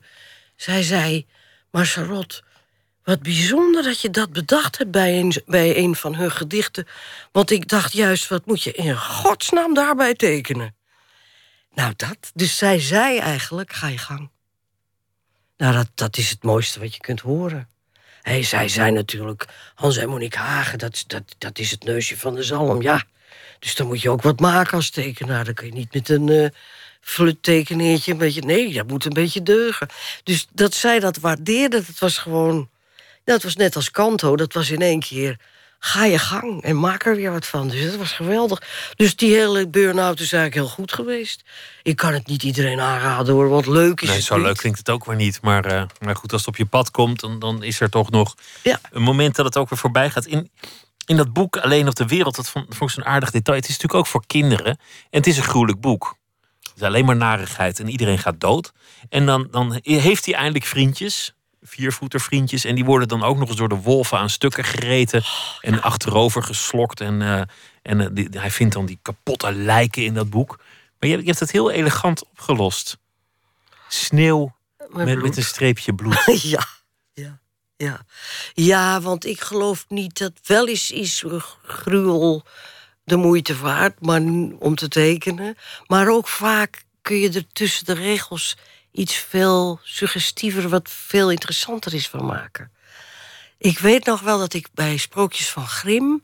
Er is een sprookje waarin het gaat over een jongen die niet bang is. Dus die gaat uit wandelen, want die wil wel eens angst leren kennen. En dan komt hij bij een boom. En bij die, in die boom hangen, hangen gehangenen. Dus die zijn allemaal dood. En hij snapt dat niet. Dus hij maakt een vuurtje. En dan, dan dus ik dacht, ik teken die, die jongen bij dat vuurtje... en dan in, in silhouet die boom met die gehangen. Dus dan heb je alleen een silhouet. Dat leek me dan gruwelijk genoeg. Ik kom naar de uitgeverij en die uitgever zegt... nee, dat wil ik niet. Ik wil niet dat jij gehangenen tekent. Oké, zeg ik, nou dan niet. Ik zeg, ja, maar dat is een heel belangrijk onderdeel van dat verhaal. En toen ik thuis kwam, toen dacht ik opeens... Ja, dat moet natuurlijk anders. Hij wil dat niet, dus ik moet een nieuwe tekening maken. Maar wat vertelt dat verhaal? Dat die, die gehangenen, hij ervaart dat niet als doden. Hij denkt, wat zielig, die hangen daar. Ze hebben het koud, weet je wat, ik maak ze los. Ik zet ze lekker bij het vuur. En toen dacht ik, dat is het. Ik teken die boom met alleen die touwtjes. Hè, wat je herkent natuurlijk voor gehangenen. En, en om hem, je hebt dat vuur, je hebt dan het licht op die mannetjes... die een beetje in elkaar gedoken bij hem zitten. Dat is een veel bizarder uh, plaat dan mannetjes die aan een boom hangen. En je begrijpt het wel. En, kinderen zijn ook niet meteen helemaal ja. gechoqueerd... en liggen niet de hele nacht wakker. Ook altijd uh, Ja, dus dat is leuk. Tussen de regels is het leuker dan... ik moet niet tekenen wat er al is. Dat, dat is al beschreven. Waarom moet ik dat dan tekenen? Tussen de regels. Charlotte de Maton, dank dat je te, te gast wilde zijn. En het uh, boek is vanaf heden te koop. Alleen op de wereld. In een uh, nieuwe vertaling van Tini Fischer met uh, tekeningen van Charlotte de Maton. Dank je wel. Graag gedaan. Zometeen gaan we verder met Nooit meer slapen. Twitter, het VPRO NMS. We zitten op Facebook en u kunt zich abonneren op de podcast. Via iTunes of de website van de VPRO. vpro.nl. Schuine streep. Nooit meer slapen aan elkaar.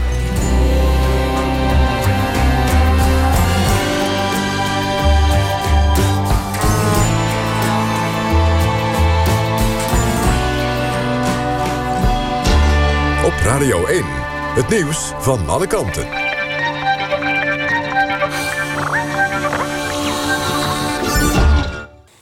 1 uur Clemens Peters met het NOS Journaal.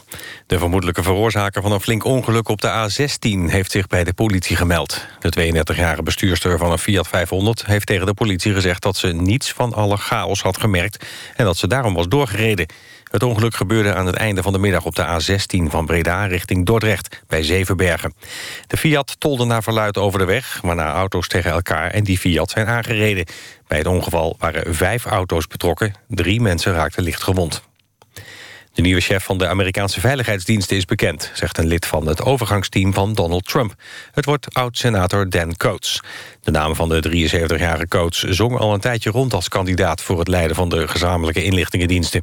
Zijn officiële benoeming wordt volgende week verwacht. Coates volgt James Clapper op... die tegelijk met president Obama vertrekt. De politie in Suriname heeft een Nederlander van 62 opgepakt... op verdenking van pedoseksuele handelingen. Het is volgens de politie een docent die al jaren in Suriname woont. De man zou horen bij een bende pedoseksuelen... waarvan vorige maand al zes leden werden gearresteerd. Zij zouden minderjarige jongens via Facebook hebben verleid... en daarna hebben gedwongen tot seksuele handelingen en prostitutie. En ook zouden ze jongens hebben gebruikt om het HIV-virus te verspreiden. Riyad Mahrez van Leicester City is verkozen tot Afrikaans voetballer van het jaar. De Algerijnse aanvaller bleef de Gabonese Aubameyang van de Borussia Dortmund... en de Senegalees Mané van Liverpool voor. Mahrez werd in januari 2014 voor een half miljoen euro... door Leicester overgenomen van Le Havre. Vorig jaar pakte Mahrez samen met Leicester de landstitel... en werd hij uitgeroepen tot beste speler van de Premier League. Het weer. Vannacht blijft het helder en het vriest dan licht tot matig. Met minima tot bijna min 10 graden. Morgen blijft het bijna overal de hele dag licht vriezen. En dan is er eerst nog vrij veel zon. Later neemt de bewolking toe. Dit was het NOS Journaal. NPO Radio 1. VPRO. Nooit meer slapen.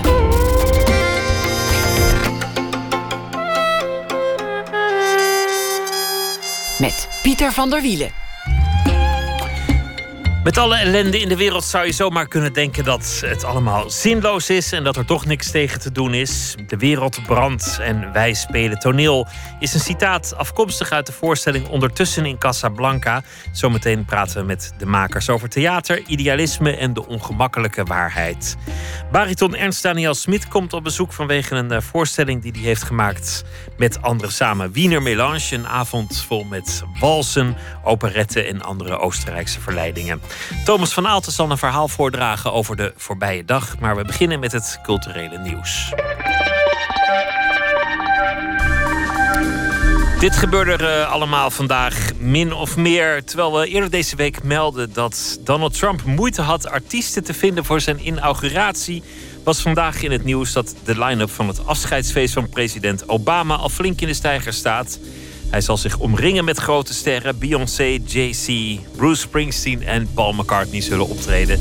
Dus uh, tot nu toe lijkt het dat Obama beter ligt bij de sterren. En Donald Trump zegt dan uh, beter te liggen bij de gewone man. Vandaag werd uh, bekend dat Mein Kampf een bestseller is in Duitsland. Dat is al eerder in de geschiedenis gebeurd, maar nu gaat het om een herziene editie. Voor het eerst sinds de Tweede Wereldoorlog mocht het boek weer verkocht worden. Zij het in een editie met een uh, toelichting. 85.000 exemplaren zijn daar inmiddels van verkocht. Ook in Nederland zijn er plannen om Mijn Kamp opnieuw uit te brengen. En dan gaat het ook om een wetenschappelijke editie met toelichting. Volgende week is het in uh, Groningen het uh, Eurosonic Noorderslag Festival. En het Groninger Museum organiseert dan een pop-up museum over uh, muzikant Jet Rebel. En zijn persoonlijke eigendommen, instrumenten, foto's en kledingstukken zullen daar getoond worden. Hij staat ermee in een mooi rijtje. Vorige jaren toonde het Groninger Museum onder meer uh, dingen over Marilyn Manson en vorig jaar David Bowie. Wie er wakker ligt van het culturele nieuws uh, van vandaag, iemand die waarschijnlijk nog heel blij is of nog lang geen zin heeft om te slapen is Johan Gijzen, oprichter van het Le Guess Who Festival in Utrecht. Want hij mag zich uh, sinds vandaag Utrechter van het jaar noemen. Ik heb hem nu aan de telefoon. Uh, Johan, goeienacht. Hallo, goeienacht. Gefeliciteerd. Ja, hartelijk dank. Utrecht, Utrechter van het jaar. Uh, voorgaande edities was het Daphne Schippers. En de eigenaar van FC Utrecht, Frans van Seumeren. Dit keer is iemand uit de rock'n'roll aan de beurt. Had je het verwacht? Nee, ik had het totaal niet verwacht. Ik, ik, uh, ik vond de nominatie al een, een, grote eer. En dat werd een week of twee, drie geleden bekendgemaakt. En toen schrok ik al eigenlijk dat ik uh, genomineerd was. Dus uh, nee, totaal onverwacht. En zeker dat ik hem zou winnen. Het mooie aan, aan deze titel is dat je, dat je niet alleen populair bent bij het poppubliek... maar dat de stad ook je festival heeft omarmd. En dat lijkt me een mooi compliment. Nou, het is zeker. Het is ook, want het is rock'n'roll is niet helemaal goed, goed omschreven. Ik denk dat we doen ook... Organiseren een popfestival waar heel veel ruimte is, ook voor, voor klassiek en ook voor heel veel niet-westerse muziek. En het is ook best wel avant-gardistisch en we betrekken, we trekken heel internationaal publiek. Afgelopen jaren uit 53 landen bezoekers. Dus het is best wel, uh, ja, het is best wel niche en, en, en, en dat, maakt het, dat maakt het juist zo, uh, ja, zo mooi dat, dat de Utrechter het ook omarmt. En daar zetten we ook flink op in. We werken heel veel samen met, uh, met heel veel Utrechtse uh, theaters en, en, kerken en uh, natuurlijk alle muziekpodia.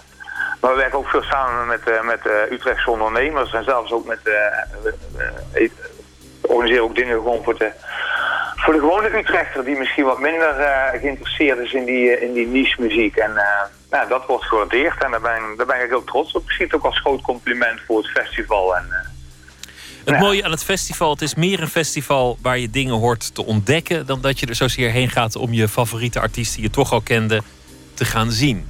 Ja, abs absoluut. En, en ik denk ook vooral om, om, nieuwe geluiden te ontdekken. Meer nog dan, dan nieuwe bands. Het is, wij proberen ook mensen naar, uh, naar bijvoorbeeld Indiase keelzang of Persische oetsmuziek of uh, Braziliaanse salsa te trekken. Maar dat wel alles in een, uh, in, en naar pianomuziek en noem maar op, maar dan wel eens in een soort van popsetting. Dus het is, het is heel vrijblijvend en laagdrempelig. Veel meer dan... Heel, uh... Wel heel gefocust. We hebben heel gefocust publiek. Het gemiddelde leeftijd is ook 35. We hebben bezoekers van, van 18 tot, tot volgens mij 72 het afgelopen jaar. Dus het is... Nou, het is, het, is een, het is een festival waar, je, waar we proberen mensen te prikkelen met, uh, met nieuwe geluiden. En we zoeken daar ook al de, de randjes en de extremiteiten op, zeg maar.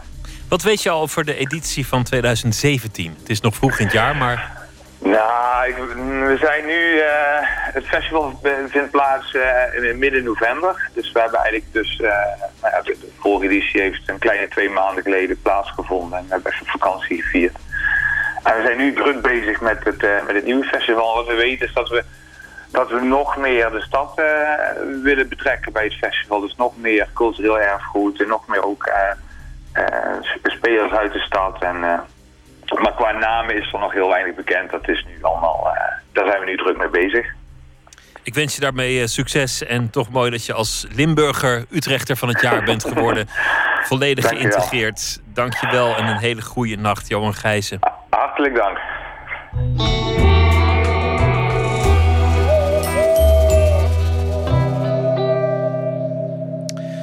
Sam Friends en Jonathan Rado vormen samen de band Foxygen uit Los Angeles. Ze hebben een uh, nieuw album samen met een symfonieorkest. En we gaan luisteren naar Follow the Leader.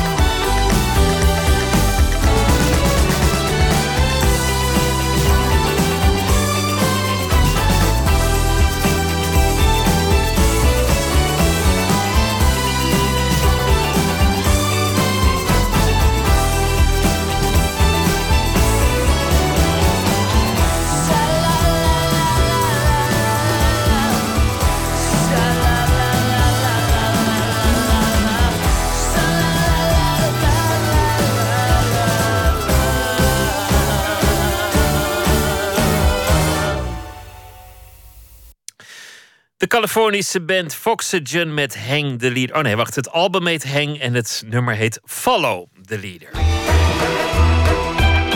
Nooit meer slapen. De wereld brandt en wij spelen toneel. Dat zou de pijnlijke ondertitel kunnen zijn van het nieuwe stuk Ondertussen in Casablanca van het Nationaal Toneel samen met Theater Oostpol. Toch gaat het stuk niet over het nut of de nutteloosheid van theater, maar over hoe wij ons in de wereld verhouden tot de ellende in andere delen van de wereld. En Nicolaou woonde de repetities bij in Den Haag en sprak al daar met regisseur Jeroen de Man en actrice Jacqueline Blom over hun idealisme. Hoe dit, project begon, uh, is dat ik uh, een boekje aan het lezen was van Actors Talking About Acting.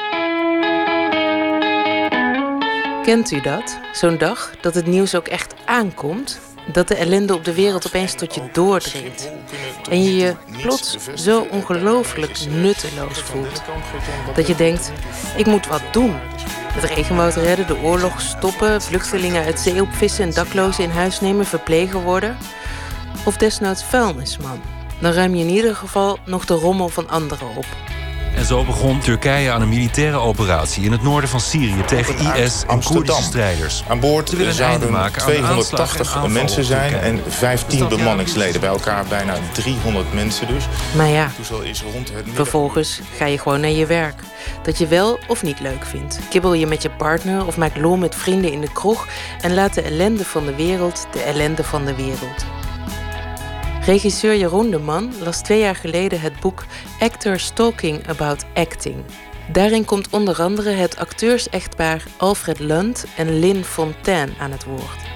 Zij waren de grote Broadway-sterren van de eerste helft van de 20e eeuw. En Jeroen de Man dacht erover dat interview tot theater te maken.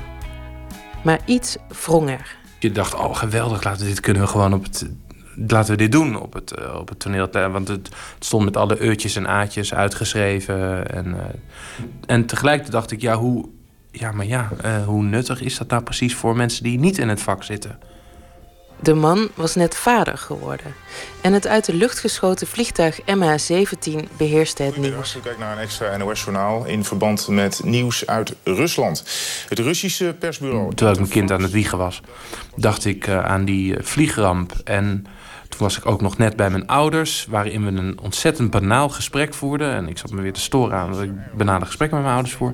En toen stond de tv aan en er waren allemaal ellendige beelden van, uh, uit Irak. 157 doden, zeggen de autoriteiten in Bagdad. Andere sprekers. Dus ik dacht, dit is gewoon bizar. Mijn, en mijn ouders, ik ken mijn ouders en die, die kijken gewoon, die zien het gewoon helemaal niet wat daar aan de hand is. En we hebben het nog steeds over tante dit en zus en uh, ik veel wat. En, en, ik, en het viel me gewoon op, ja, dat heb je, dan ben je beroepsgedeformeerd. Dat ik vaak ook denk met mijn ouders, dit is gewoon een scène. Kijk, als Alfred en ik overdag klaar zijn met repeteren... dan gaan we s'avonds nog door met bepaalde scènes. We werken vaak 12 uur per dag. Dan probeer dat maar eens in de CAO. Toen dacht ik, daar heb ik eigenlijk zin in. Dat acteurs dus praten over een vak. En dat ik dat wel heel interessant vind. Maar dat ze dan aan de kant worden geduwd en dat daar zeg maar zoals vroeger uh, ik in Batman altijd zag. Meanwhile, in de Cave of the Penguin of zo. Of iets of bij de Joker. Dat ik dus het ondertussen scènes zie. Dus alsof de tv aanstaat. Reunie in Ween. Laatste voorstelling.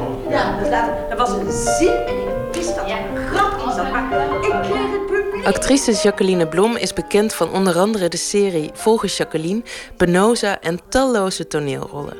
Ze speelt actrice Lin in het stuk. Ze komt net uit de repetities en nog een beetje nahijgend haalt ze meteen maar een misverstand uit de weg. De voorstelling gaat niet over de navelstaarderigheid in het theater. Nee, hij gaat over ons. Over ons allemaal mag je wel kunst maken of zo? Dat, dat vind ik een hele irritante vraag. Om, omdat uh, ik, ik, dat net zo uh, gerechtvaardigd vind als in een ziekenhuis werken. Of, uh, dus ik, ik, die hele zogenaamde overbodigheid of, of dat navelstaarderige, dat, als we dat al doen, dan doen we dat in het hele Westen. En daar zijn niet acteurs of theatermakers anders in. En daarom daar ben, ben, ik echt wel blij met deze voorstelling, omdat die, eh, die gaat ook daarover. Het, het, het, het, eh, het is een metafoor, theater.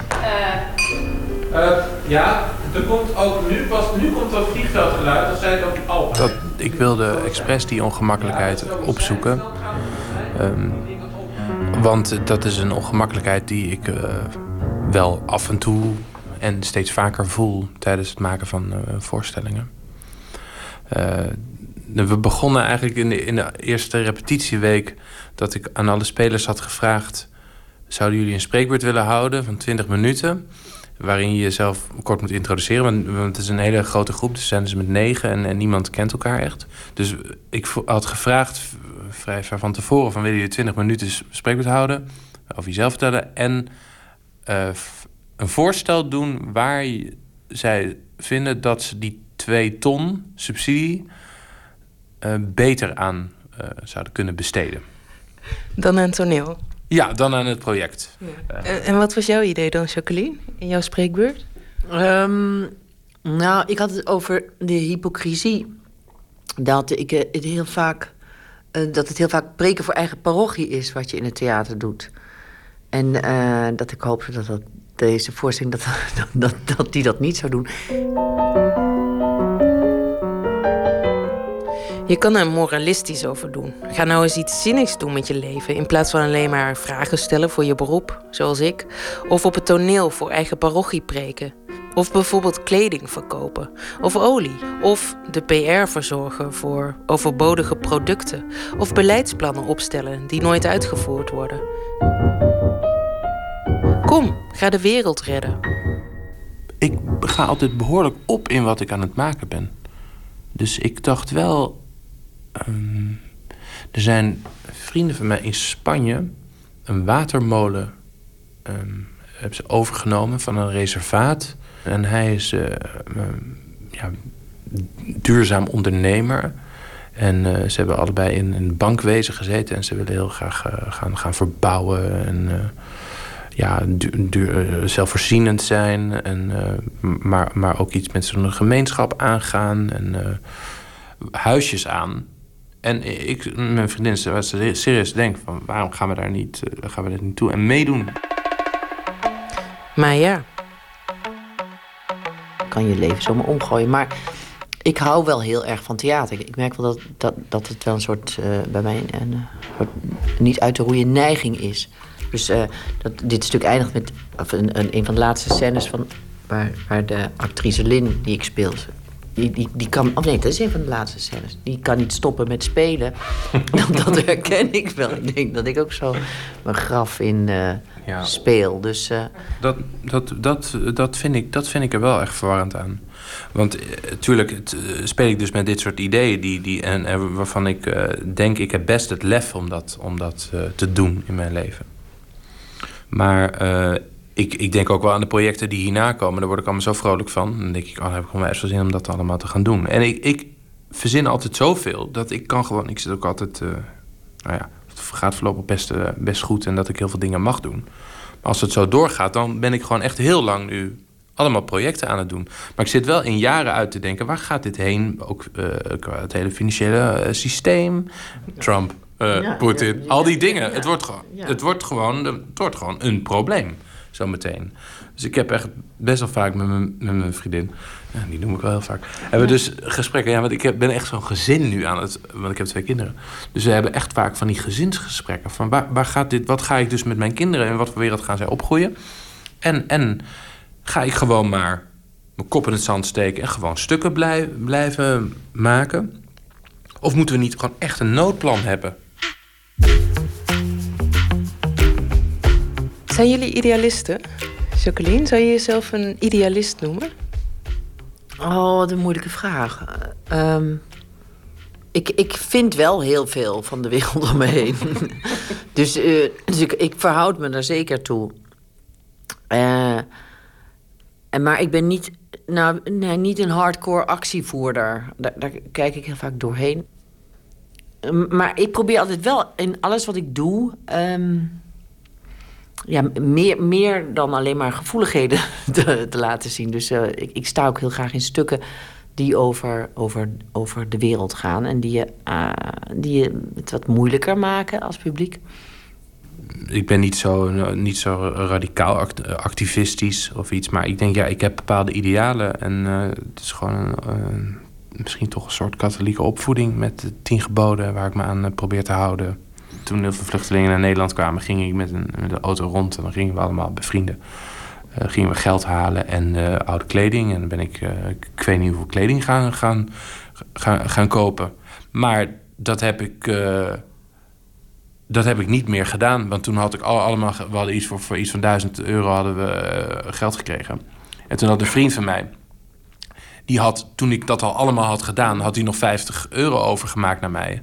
Toen dacht ik, ja, maar nu heb ik alles al gekocht. Wat moet ik daar nou mee? En toen heb ik dat, heb ik dat nooit meer teruggegeven aan hem. Ik ben het gewoon vergeten. Oh. En, uh, had je nog kunnen overmaken? Ja, had ik kunnen overmaken. Dus dat zou ik eigenlijk alsnog kunnen doen. maar goed, daar komt dus mijn... Ja, de miserige mens. Precies. Niet jij zeker nee, per se hoor, maar gewoon de mens. ja, maar dat, dat is... Maar daarom, daarom denk ik ook dat... Ja, dat is dan wel een beetje pessimistisch. In de, in de, in de donkerste, op de donkerste dag denk ik... Het komt echt niet goed met deze planeet. We zijn gewoon verschrikkelijk, wij mensen. Ik vind theater echt compleet zinloos. En ik vind het ook ongelooflijk zinvol. Um, dat is gewoon een, een, uh, een, paradox. Net als ik het leven gewoon... Ja, dat is ook maar hoe we het hebben ingericht en zo. Het is gewoon een waanzinnig debiel uh, leven. En absurd. Maar we moeten gewoon de absurditeit uh, omarmen. Want anders wordt het helemaal niks.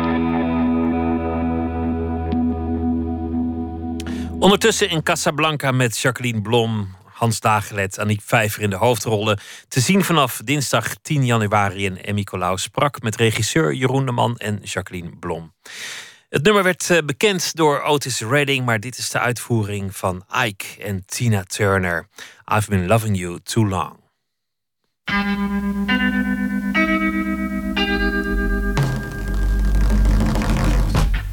I've been loving you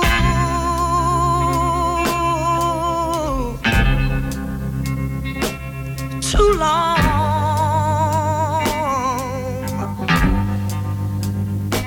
I don't want to stop now.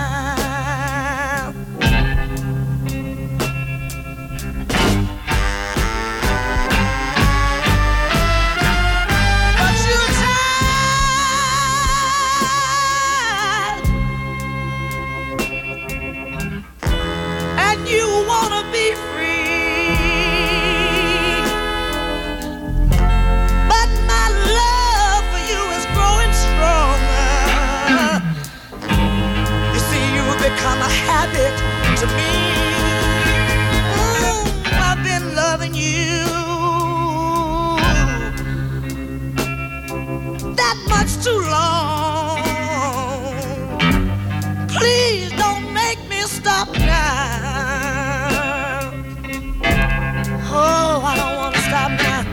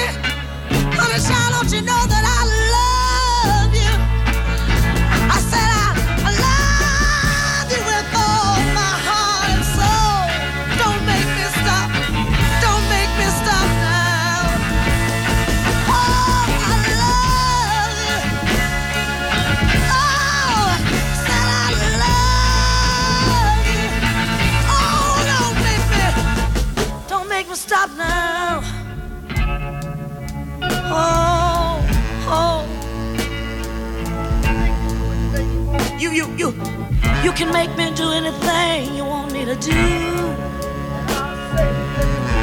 And I, I'll even say anything you want me to say.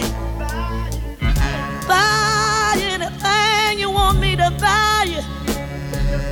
If you, if you just stay and make and make love to me. If you if you just make me say, oh, oh baby. Oh, oh baby.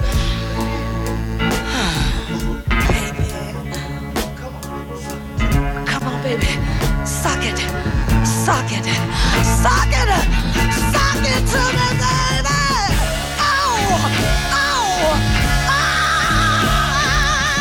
Baby, baby, baby, don't make me stop now. De grote hit van Otis Redding, I've Been Loving You, dit keer door Ike en Tina Turner. Open kaart. De rubriek heet de Open Kaart en de gast trekt kaart uit een bak met 150 vragen over werk en leven. De gast is bariton Ernst Daniel Smit.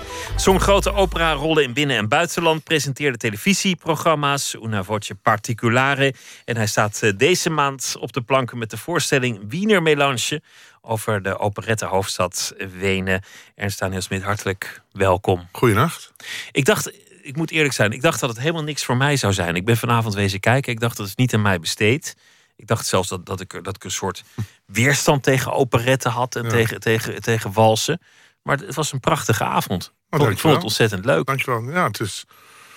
De operette heeft, best wel leuke dingen te, te bieden. Er zijn natuurlijk heel veel flutverhalen in operette. Die heb je ook in de opera. En de muziek maakt dan veel goed. En uh, als je ertoe openstelt, en dan, uh, dan is de kleine garde-officier nog steeds leuk. En dan is het nog steeds leuk om walsen te zien, jonge mensen te zien dansen, ballroomdans. Prachtig. Ik vond het ook prachtig. Ja, ik kan niet anders zeggen. Ja, me. Je bent nog zo jong. ja. Nee, maar goed, ja, niet alles is voor iedereen. Ik bedoel, de, de experimentele jazz uh, hoef, hoef, je ook niet de hele zaal mee lastig te vallen. Nee. Op sommige momenten. Maar soms dan uh, verbreed je je horizon. Ik kwam ook dingen te weten. Ik dacht altijd dat, dat, dat uh, operette uit Wenen kwam en dat het onlosmakelijk aan Wenen verbonden was. Dat maar... hebben wij zo gecreëerd, dat beeld hebben wij gecreëerd. Zo, ik, weet, ik, heb, ik ben er zo bij de aanloop naar dit programma ook over verbaasd. Want operette is natuurlijk gewoon in 1845, 1854 in, in, in Parijs geboren. De Orpheus in de onderwereld van Jacques Offenbach wordt beschouwd als de allereerste operette ter wereld. Het zijn de Fransen die het bedacht hebben. De Fransen die genoeg hadden. Jacques Offenbach die ervan baalde dat die opera comiek zo steeds serieus en ook steeds veel langdradiger en steeds langer duurde.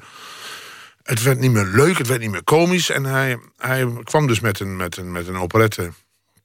waarin hij een beetje afrekende met de boven- en onderwereld. Wat een beetje de hele, hele maatschappij van die tijd van Parijs met name kenmerkte. Dus en daarna kwam hij uit uh, uh, uh, Bataclan, de, het eiland Bataclan, waarin hij op een gegeven moment de hele positie van, uh, van Meyerbeer onder, onder de loep nam. Hij is satirisch en, en ironisch bezig. En het is, het is, het is geen flutverhaal.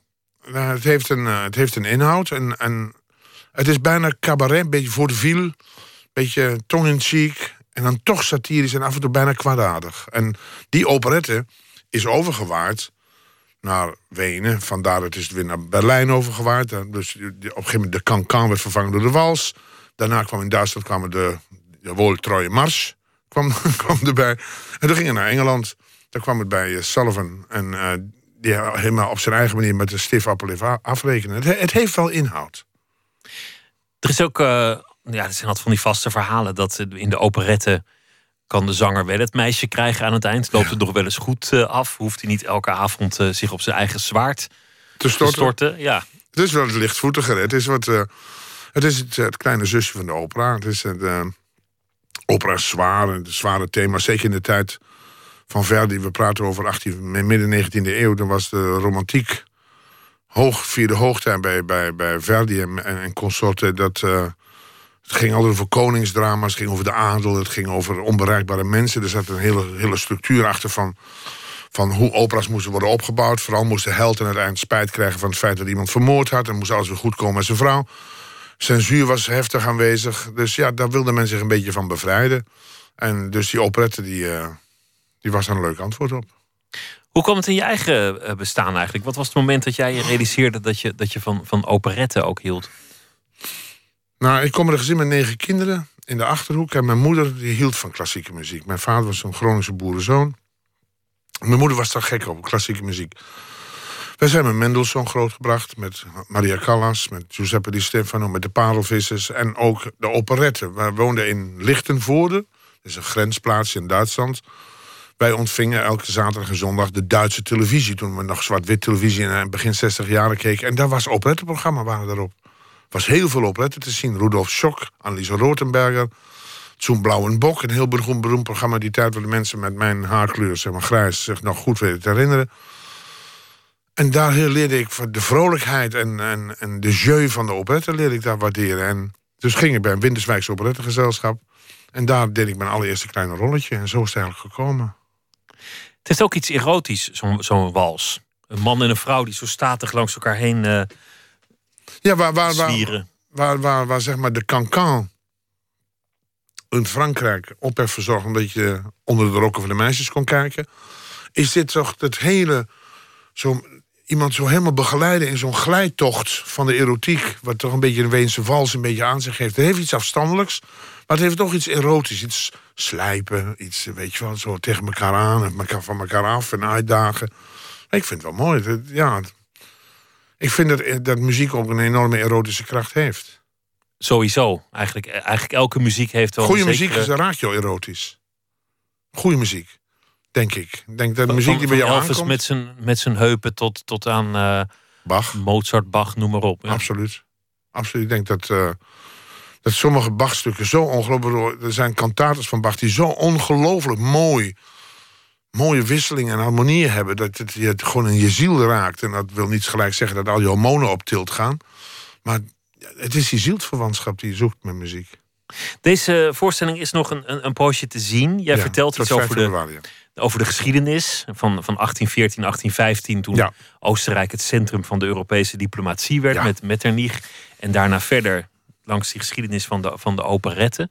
Wat, eh, wat kun je er verder over vertellen? Wie, wie zijn de, de andere artiesten die meedoen bijvoorbeeld? We hebben een IJslandse Hilda eh Hafstad. Dat is een, een prachtige jonge IJslandse sopraan. Voor de rest hebben we eh, een, een winnares van Una Voce Particolare van mijn programma. Ik vond dat zo... Het meisje heeft zich zo geweldig doorontwikkeld en is zo groot geworden. Is, heeft een goede carrière opgebouwd in het oosten des lands, Karin Hutzenberg. En hebben we uit eh, de, de opera van Karlsruhe hebben we eh, André Post, de Nederlandse zanger van Urk. Waar heel veel gezongen wordt en heel goed gezongen wordt ook. En ja, weet je, zo ben ik met Karin een beetje op leeftijd. En zo zijn die twee, zijn twee jonge honden die elkaar willen vinden. En papa vindt dat niet altijd maar even goed. Dus... En we hebben een orkest wat uit Bulgarije komt, van eh, Opera Rus. En zijn, zijn ontzettend gepassioneerde mensen die ontzettend leuk vinden om hier te zijn. Ja, en het is een productie van Dommelgraaf, van het grote impresariaat uit Houten. Dus eh, eh, ja, ze hebben het aangedurfd om te kijken. Hun, plan was, bestaat er nog een interesse in deze Weense cultuur? Dus wel, van, nou, we willen acht of twaalf voorstellingen proberen weg te zetten. Als we dat lukken, zijn we, zijn we heel blij. Ze hebben de 26 weg weten te zetten. Dus interesse is er vanuit de theaters. En vanavond staat de zaal praktisch vol. En eh, morgen staan we in Groningen. Daar kunnen we nog wat mensen gebruiken. De Martini Hall is nog niet echt een plek waar, waarvan je denkt, ik ga daarmee staan. Maar eh, ja, ik heb er wel vertrouwen in. Laten we beginnen met de kaarten. Ja. Hier zijn ze. ik ben een beetje verkouden, sorry hoor. Oh, dat geeft niet. Wat wil je dat ik doe? Moet er eentje Een, trekken? ka- een kaart trekken en dan eh, staat daarop Oh-oh. de vraag. Moet ik, moet ik dat al voorlezen?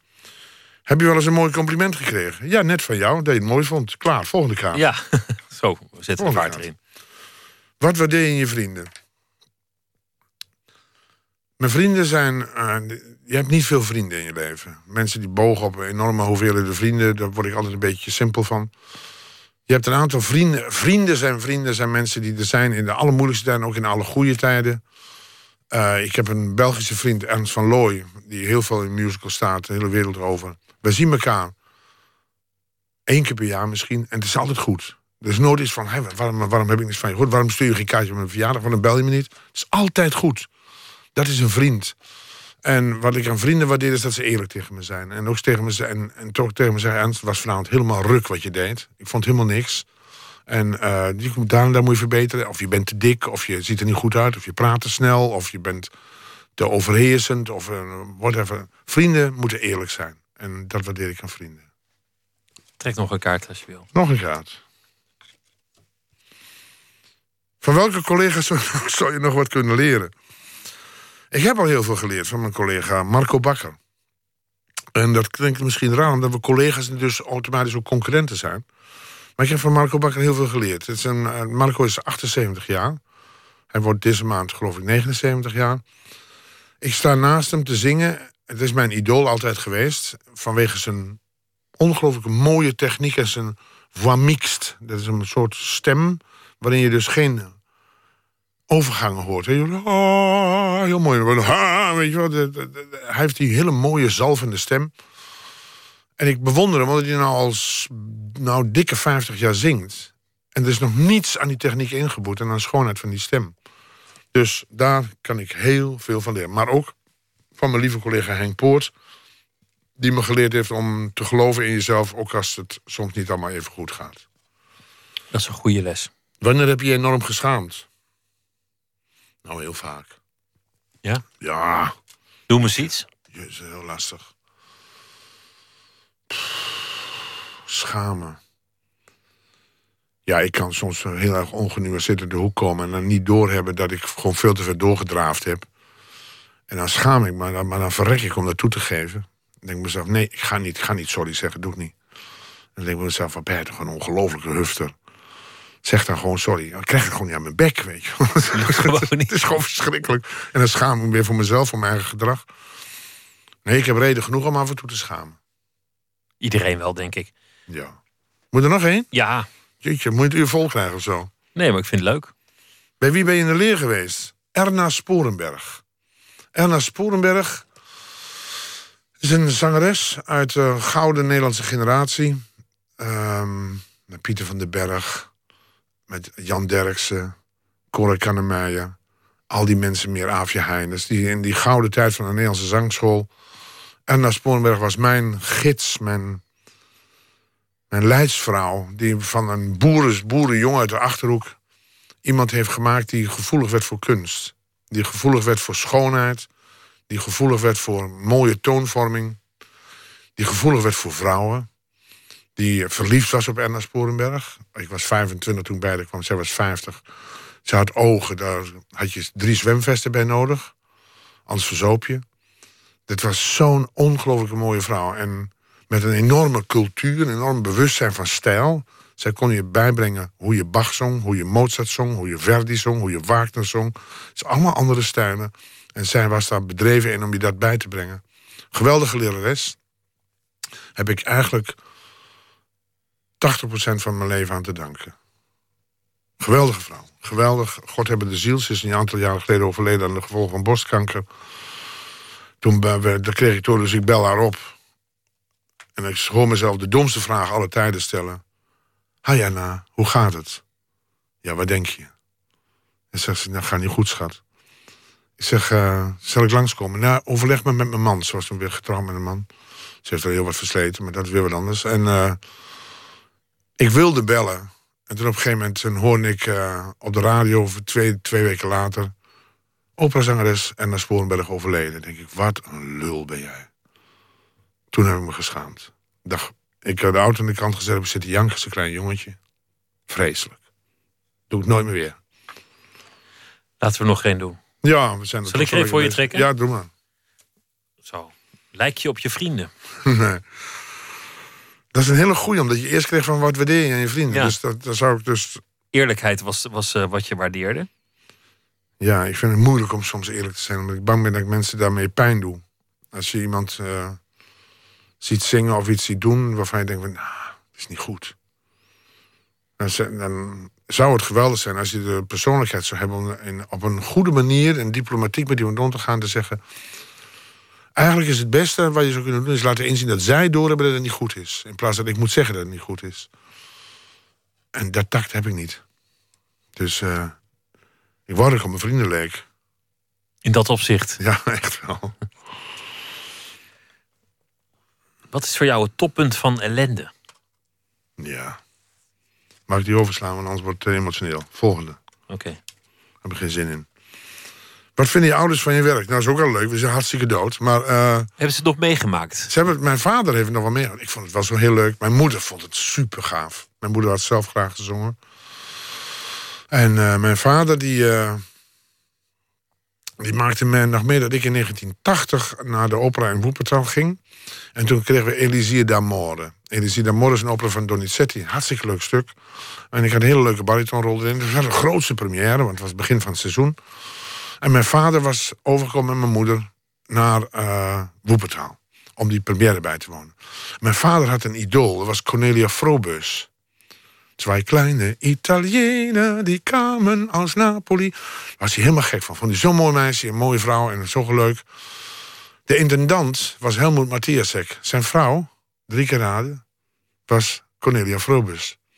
Dus mijn vader stond in één keer oog in oog met Cornelia Frobus. Ik heb mijn vader nog nooit zo rood zien worden. Dat is geweldig leuk. Oh, wat mooi. Ja, dat was zo lief. Hij was helemaal zo... Nou, kwam hij bij me. Heel stoel. Ik heb even met Connie gesproken. Met Connie. Dus dat vond ik leuk. Mijn ouders, mijn vader en mijn moeder... hebben geen onderscheid gemaakt in het uh, bewonderen van hun kinderen. In wat ze ook doen. Maar ze vonden het wel heel erg leuk dat ik... Uh, zeg maar de zanger geworden ben. Dus ik denk dat ze... God hebben hun ziel. Ze zijn al dat ze hielden van muziek. 36 jaar dood, allebei. Maar uh, mijn, ja, mijn moeder was gek van muziek. En mijn vader heb ik één keer zien huilen. Er was bij een duet uit Rigoletto... tussen de vader en de dochter. is een heel groot duet... waarin hij constant... Ah, pianji, pianji, huilt, huilt, huilt, huilt. En mijn vader greep dat zo aan. Toen heb ik mijn vader voor het eerst zien huilen. Geweldig. Dankjewel dat je langs wilde komen. Tot en met 4 februari Wiener Melange te zien in de theaters van Nederland. En morgen uh, Martini. Groningen. Ja, Ernst Smit, dankjewel. Dankjewel voor de tijd. Het wordt uh, uitgesteld en uitgesteld, maar er komt wel degelijk een nieuwe plaat van The National in 2017. En dat uh, heeft de band al laten weten. En we draaien alvast van het album dat ze hiervoor hadden, I Need My Girl.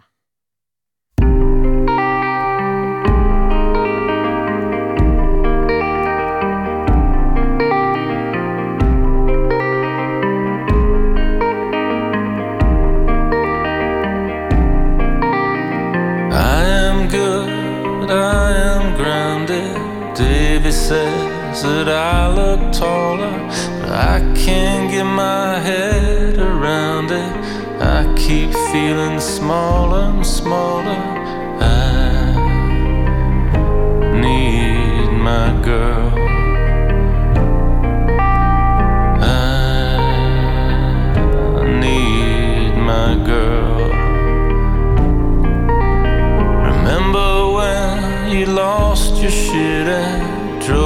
Car into the garden.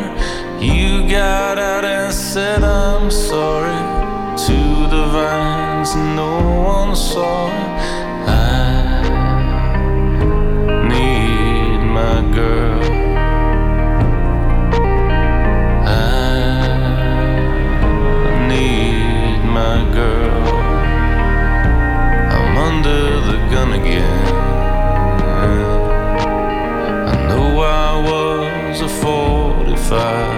Percent of them. I know I was a lot of things, but I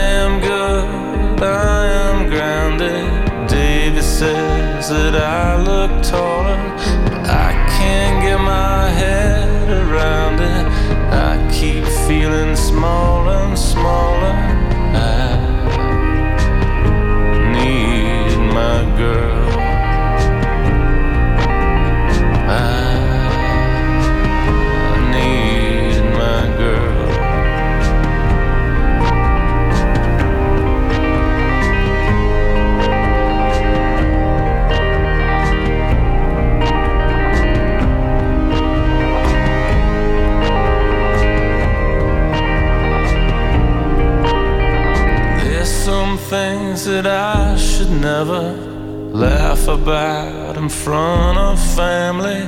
I try to call you from the party. It's full of punks and cannonballers. I need my girl.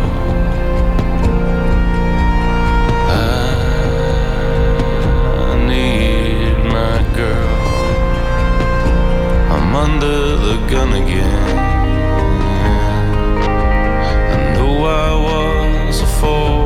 95% of them.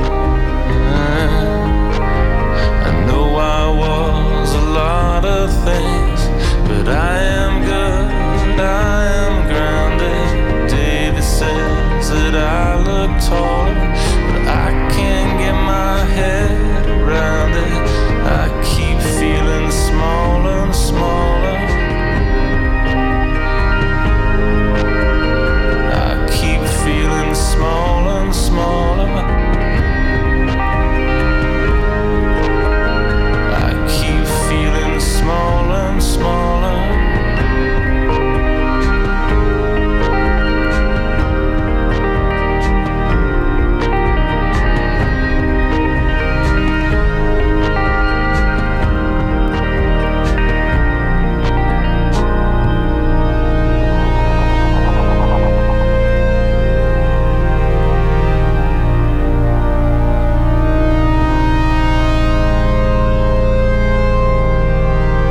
2013 was dat The National met I Need My Girl.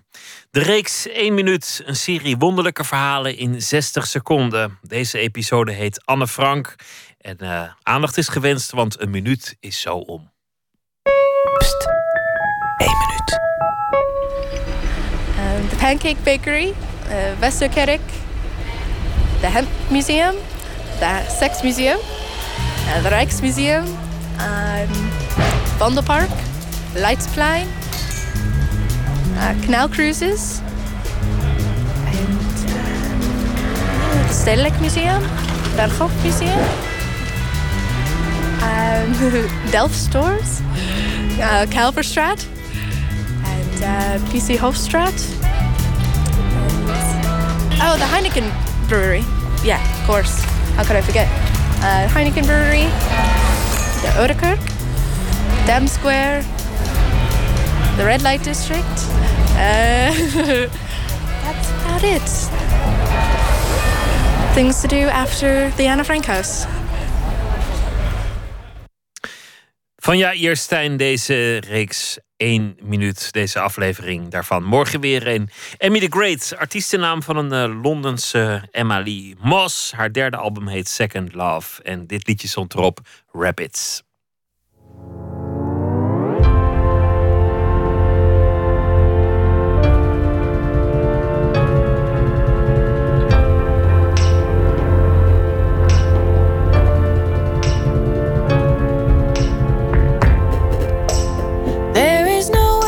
This game that keeps me awake at night. You are a song with no name, you flicker like candlelight. Guess this is it tonight.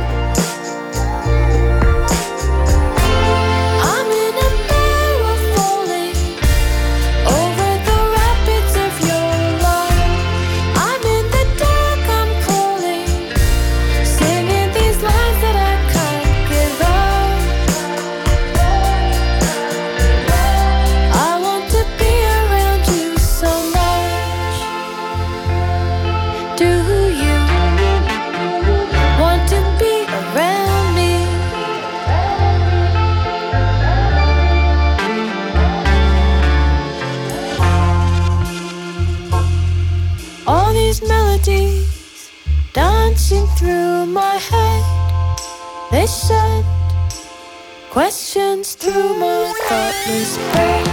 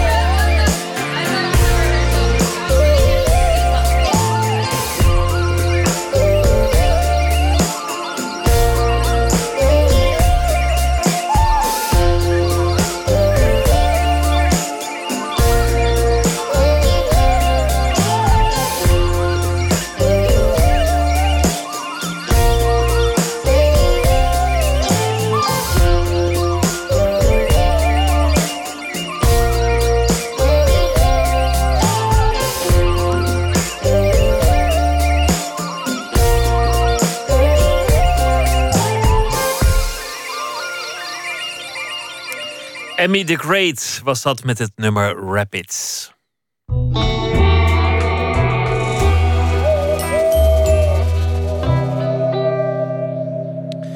Thomas van Aalten is schrijver van boeken als Leeuwenstrijd en recentelijk Henry over de hoogtijdagen van de Nederlandse tijdschriftenindustrie. Acht romans heeft hij geschreven en deze week zal hij elke nacht een verhaal maken bij de dag die achter ons ligt. Thomas, goeienacht. Goeienacht. Wat, uh, wat is het geworden vandaag? Wat uh, heeft je geboeid? Uh, een, een, een, verward persoon op het uh, plein Binnenhof in Den Haag. Ik weet of je het hebt meegekregen, maar er is een nou ja, net wat ik zeg, een verwarde man die gooide zijn, uh, zijn tas in de buurt van het uh, gebouw van de Tweede Kamer. En, uh, nou ja, hij zal wel wat rare dingen hebben geroepen, maar gelijk kwam de explosieve opruimingsdienst erbij.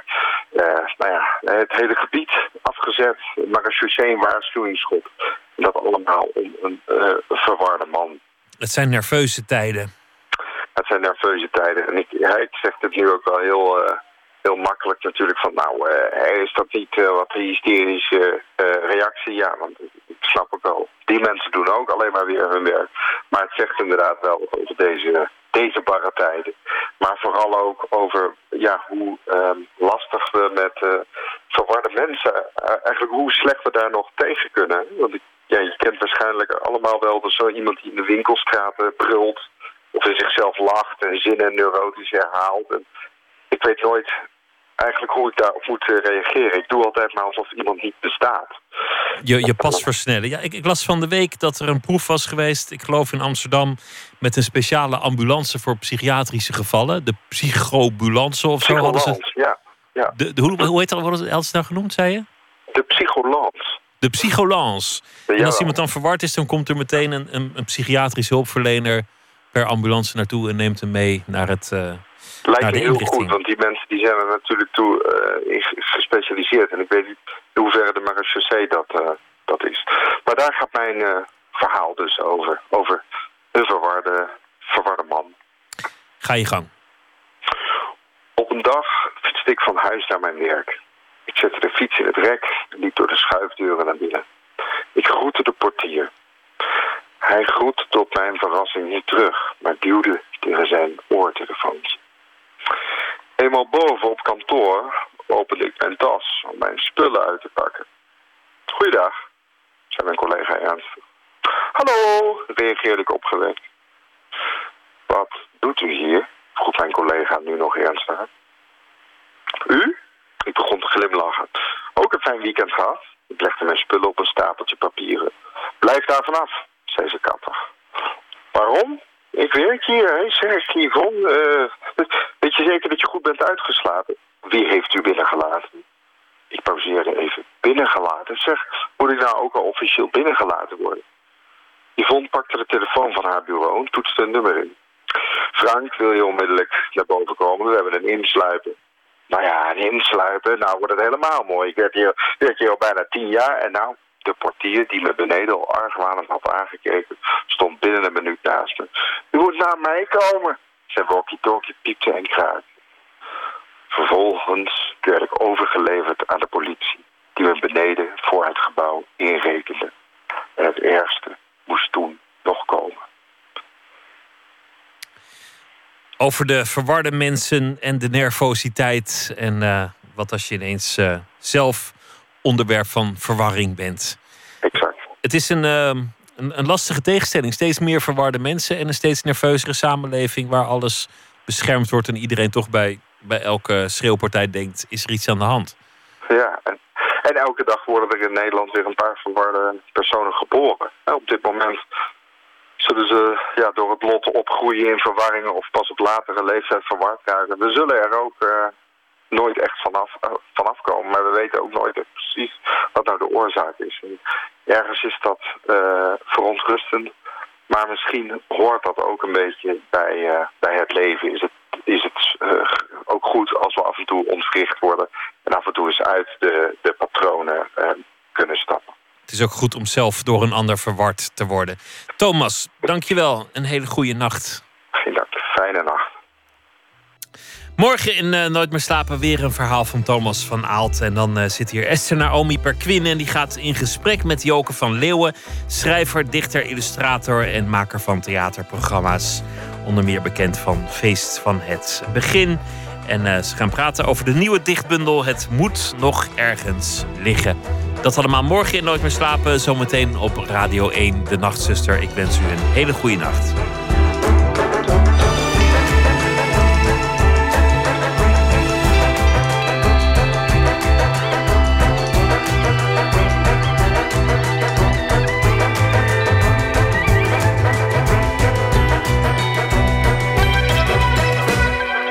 Radio 1, het nieuws van alle kanten.